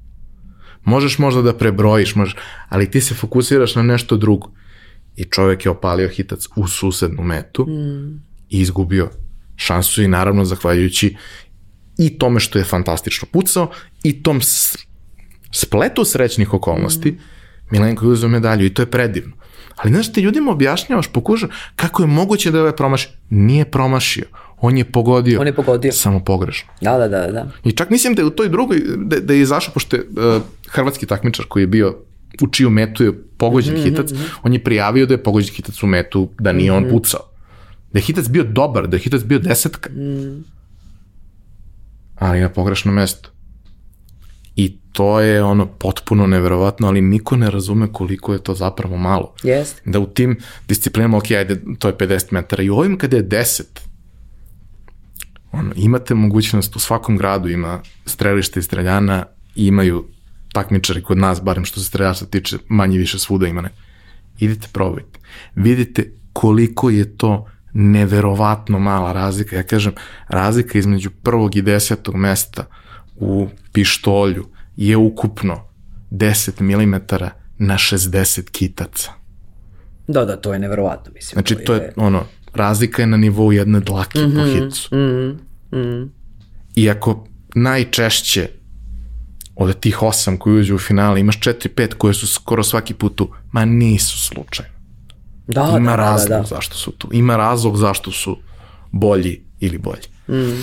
Ali, znaš, vrlo je teško ljudima da razumeju kontekst nečega što ne poznaju, probaš da im oslikaš, neko razume, neko ne razume, ali to su ti neki momenti gde kao, uh, šta je Milenko mogo da uradi? Pa mislim, on je otpucao najbolje što je mogao i uradio je sve kako treba i imao je sreću da nije napravio grešku, da neko drugi napravio grešku. Da je on napravio grešku da, i da, drugi da. da su napravili, isto se ništa ne bi desilo. Mm. Ali nekad mora malo sreće da bude. Mm -hmm. Nekad je to potrebno da se desi ono nešto magično što hoćemo. Ali u svim ostalim situacijama, kao ako želiš da budeš okej okay sa sobom, Reši ono što je u tvojoj nadležnosti, ono što je do tebe Pa, probaj da probaj Naravno. da a, dresiraš. Pa mene je to, naš, mene je NLP naučio to da, da nezadovoljstvo dolazi koji, ne- da ono je unutra trigerovano. Jer, kao što smo rekli, imaš stekao si ovo, ovo i ovo, ali opet je to. Znači nije s polja, nego je unutra nešto trigerovano. Isto ako želiš nešto da rešiš, to, to, to rešiš unutra. Ne, uzaludno je očekivati da ti možeš da promeniš nekog ili da promeniš situaciju. Ti možeš da promeniš sebe spram nekog, pa će to sve biti drugačije. Ako sebe promeniš, ali, ali, ali ljudima potrebna pomoć da promene sebe, da nešto urade u sebi, da nauče kako da njihovo sopstveno stanje ne zavisi isključivo od spoljnih trigera. Mi smo svi svedoci toga da ono kao sve ti bude super, onda dođe jedna budala pa ti propasti dan. Jel? E to nas NLP na primjer uči. Da, da ne postoji taj spoljni trigger koji će, koji će toliko da narušava tvoje stanje i stalno, da ti stalno reaguješ na nešto u spoljnom svetu, nego da, da to jednostavno može drugačije da izgleda. Da moje, da moje lično stanje ne, ne mora toliko da zavisi od, od spoljnog. Zato ti kažem, da sam pričala i o Borisu i gubitku posla i o tom slomljenom srcu i o tim prekretnicama godine za žene i sve to, to je to, taj, taj konglomerat stvari bi mogao da, da, da neko pomisli, ok, ovo je dovoljno za jednu finu tugu ili ili ne da Bože depresivno stanje, ali naš, ništa od toga. Mene to NLP naučio da u određenim okolnostima mogu da rukovodim sobom. Jel tu meni bilo dobro u tim stanjima? Pa ne. Jer ja nisam bila tužna. Jesam. Jesam. Um, je teško bilo? Jeste. Ali da znam kako ću sa tim. Da, ima taj Znaš, moment. kako ću to s je- njim? To mi je jedna osoba isto koja je prošla sličan transformativni lični put, kao su to rekla, e, kao zaključak. Šta si dobio u svemu tome? Umem sa sobom. Pa da, da, da. Jer A stalno neko drugi radi s sobom- tobom nešto. Dođe neko pa ti propasti dan.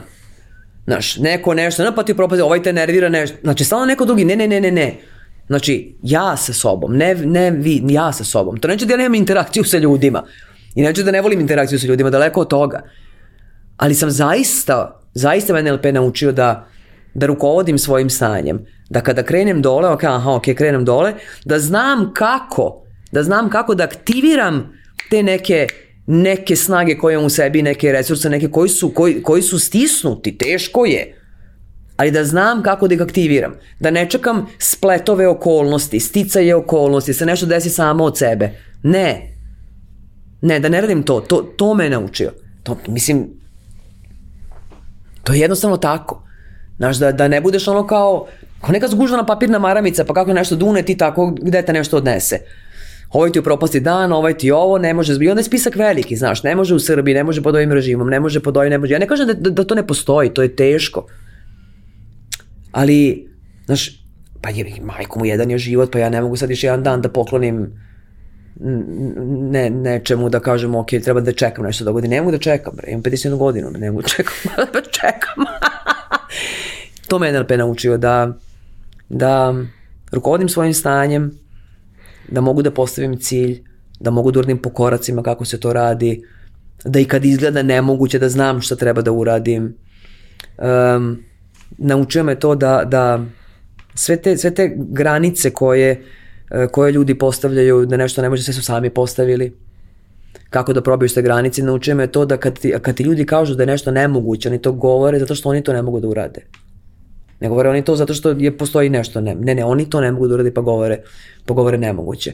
Tako da me naučio da kako da sobom upravljam i automatski se taj neki, nešto se, nešto se i ti drugi ljudi promene okolo. Neki odu. Neki odu. Dođu neki novi. Uh, voleo bih samo da za sam kraj, evo neću više No, da ja ne mogu da verujem. Neću više, Ej, već kraj. neću više da mučim. Ovaj, uh, voleo bih samo za sam kraj, pošto uh, ovo će ići otprilike negde oko polovine uh, septembra uh, i realno ne znamo kako će biti epidemiološka situacija. Već sad baš nije dobra, a kako će to razvijati, verovatno neće dobro. E, tako da ne znamo koliko će biti mogući fizički susreti, okupljanja i sve ostalo što ustoji. Ali e, prosto koga je ovo zainteresovalo, ko tu vidi neku, mm, neki razlog za sebe da te kontaktira, da se možda priključi nekoj od, od, od narednih grupa koje prolaze. Uh, šta je plan od oktobra pa nadalje i uh, kako izgleda sam sistem Mm -hmm. kako ide prijavljivanje, gde to mogu da urade. Mm, hvala ti što me ovo, ovo pitaš, ovo mi znači. E, dakle, institut se zove Power Communication Institute i sve se dešava na sajtu pci.rs, dakle pci.rs, tamo se prijavlja. Sam put NLP izgleda od početnog nivoa koji se zove kod nas na institutu NLP Basic i traje dva dana. To je vikend jedan. Vikend, da. Počinje u pola deset do šest, imamo dve pauze za kafu do 20 minuta i pauzu za ručak od sat i po. I to je dva, to je vikend. Basic omogućava da neko ode dalje na edukaciju koja se zove NLP Professional i koja traje 8 meseci, je jedan vikend mesečno. Posle svakog drugog vikenda imamo nešto što je supervizija od 2 sata Zoom, da bih ja videla gde smo, šta smo, šta je implementirano, šta škripe koja su pitanja. Znači to je 8 meseci, jedan vikend mesečno. Nakon toga je Master Professional, 8 meseci, jedan vikend mesečno. Nakon toga je trenerski. Isključivo za one ljude koji žele da budu NLP treneri, e to nije mesečno. To je jedno 9 dana do 11 dana vezano, ceo dan, treći dan se proklinje što smo ovo uopšte upisali, četvrti dan se stvaraju otpori, peti dan me vjerojatno neko ne podnosi, I to je, ali to je jedan ozbiljan, ozbiljan drill sa prezentacijama sobstvenih treninga, kako to izgleda. Moja, moj cilj, što ću ja sigurno ostvariti, jeste da najbolje trenere ponudim da rade kod mene na institutu. Um, bez obzira da li su Bosna, Crna Gora, bez obzira, otvarat ćemo tamo. Znači to je moj cilj, da najbolje trenere, ukoliko žele, da im ponudim da rade kod mene na, kod mene na institutu. To je, to je neki put NLP-a. Um, pošto ovo ide polovinom septembra, mi imamo 9. i 10. oktobra taj basic. Znači 9. i 10. oktobar, taj vikend. I, to je, i taj 9. i 10. oktobar je poslednja šansa za one koji hoće da idu na professional na sledeći nivo, jer on počne 23. oktobra. Znači, poslednja šansa za tu godinu. Certifikacija je u maju 2022. godine.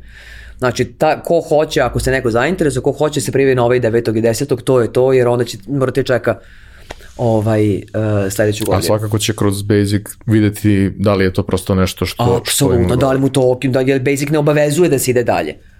Neko može da ide samo na Basic i da ne ide dalje, neko neko ide dalje, sad već mi već smo formili grupu za professional i bit će iz ove prethodne grupe i sad još ove te koje sam najavila 9. i 10. Ko hoće da ide dalje jer onda znači onda počinje.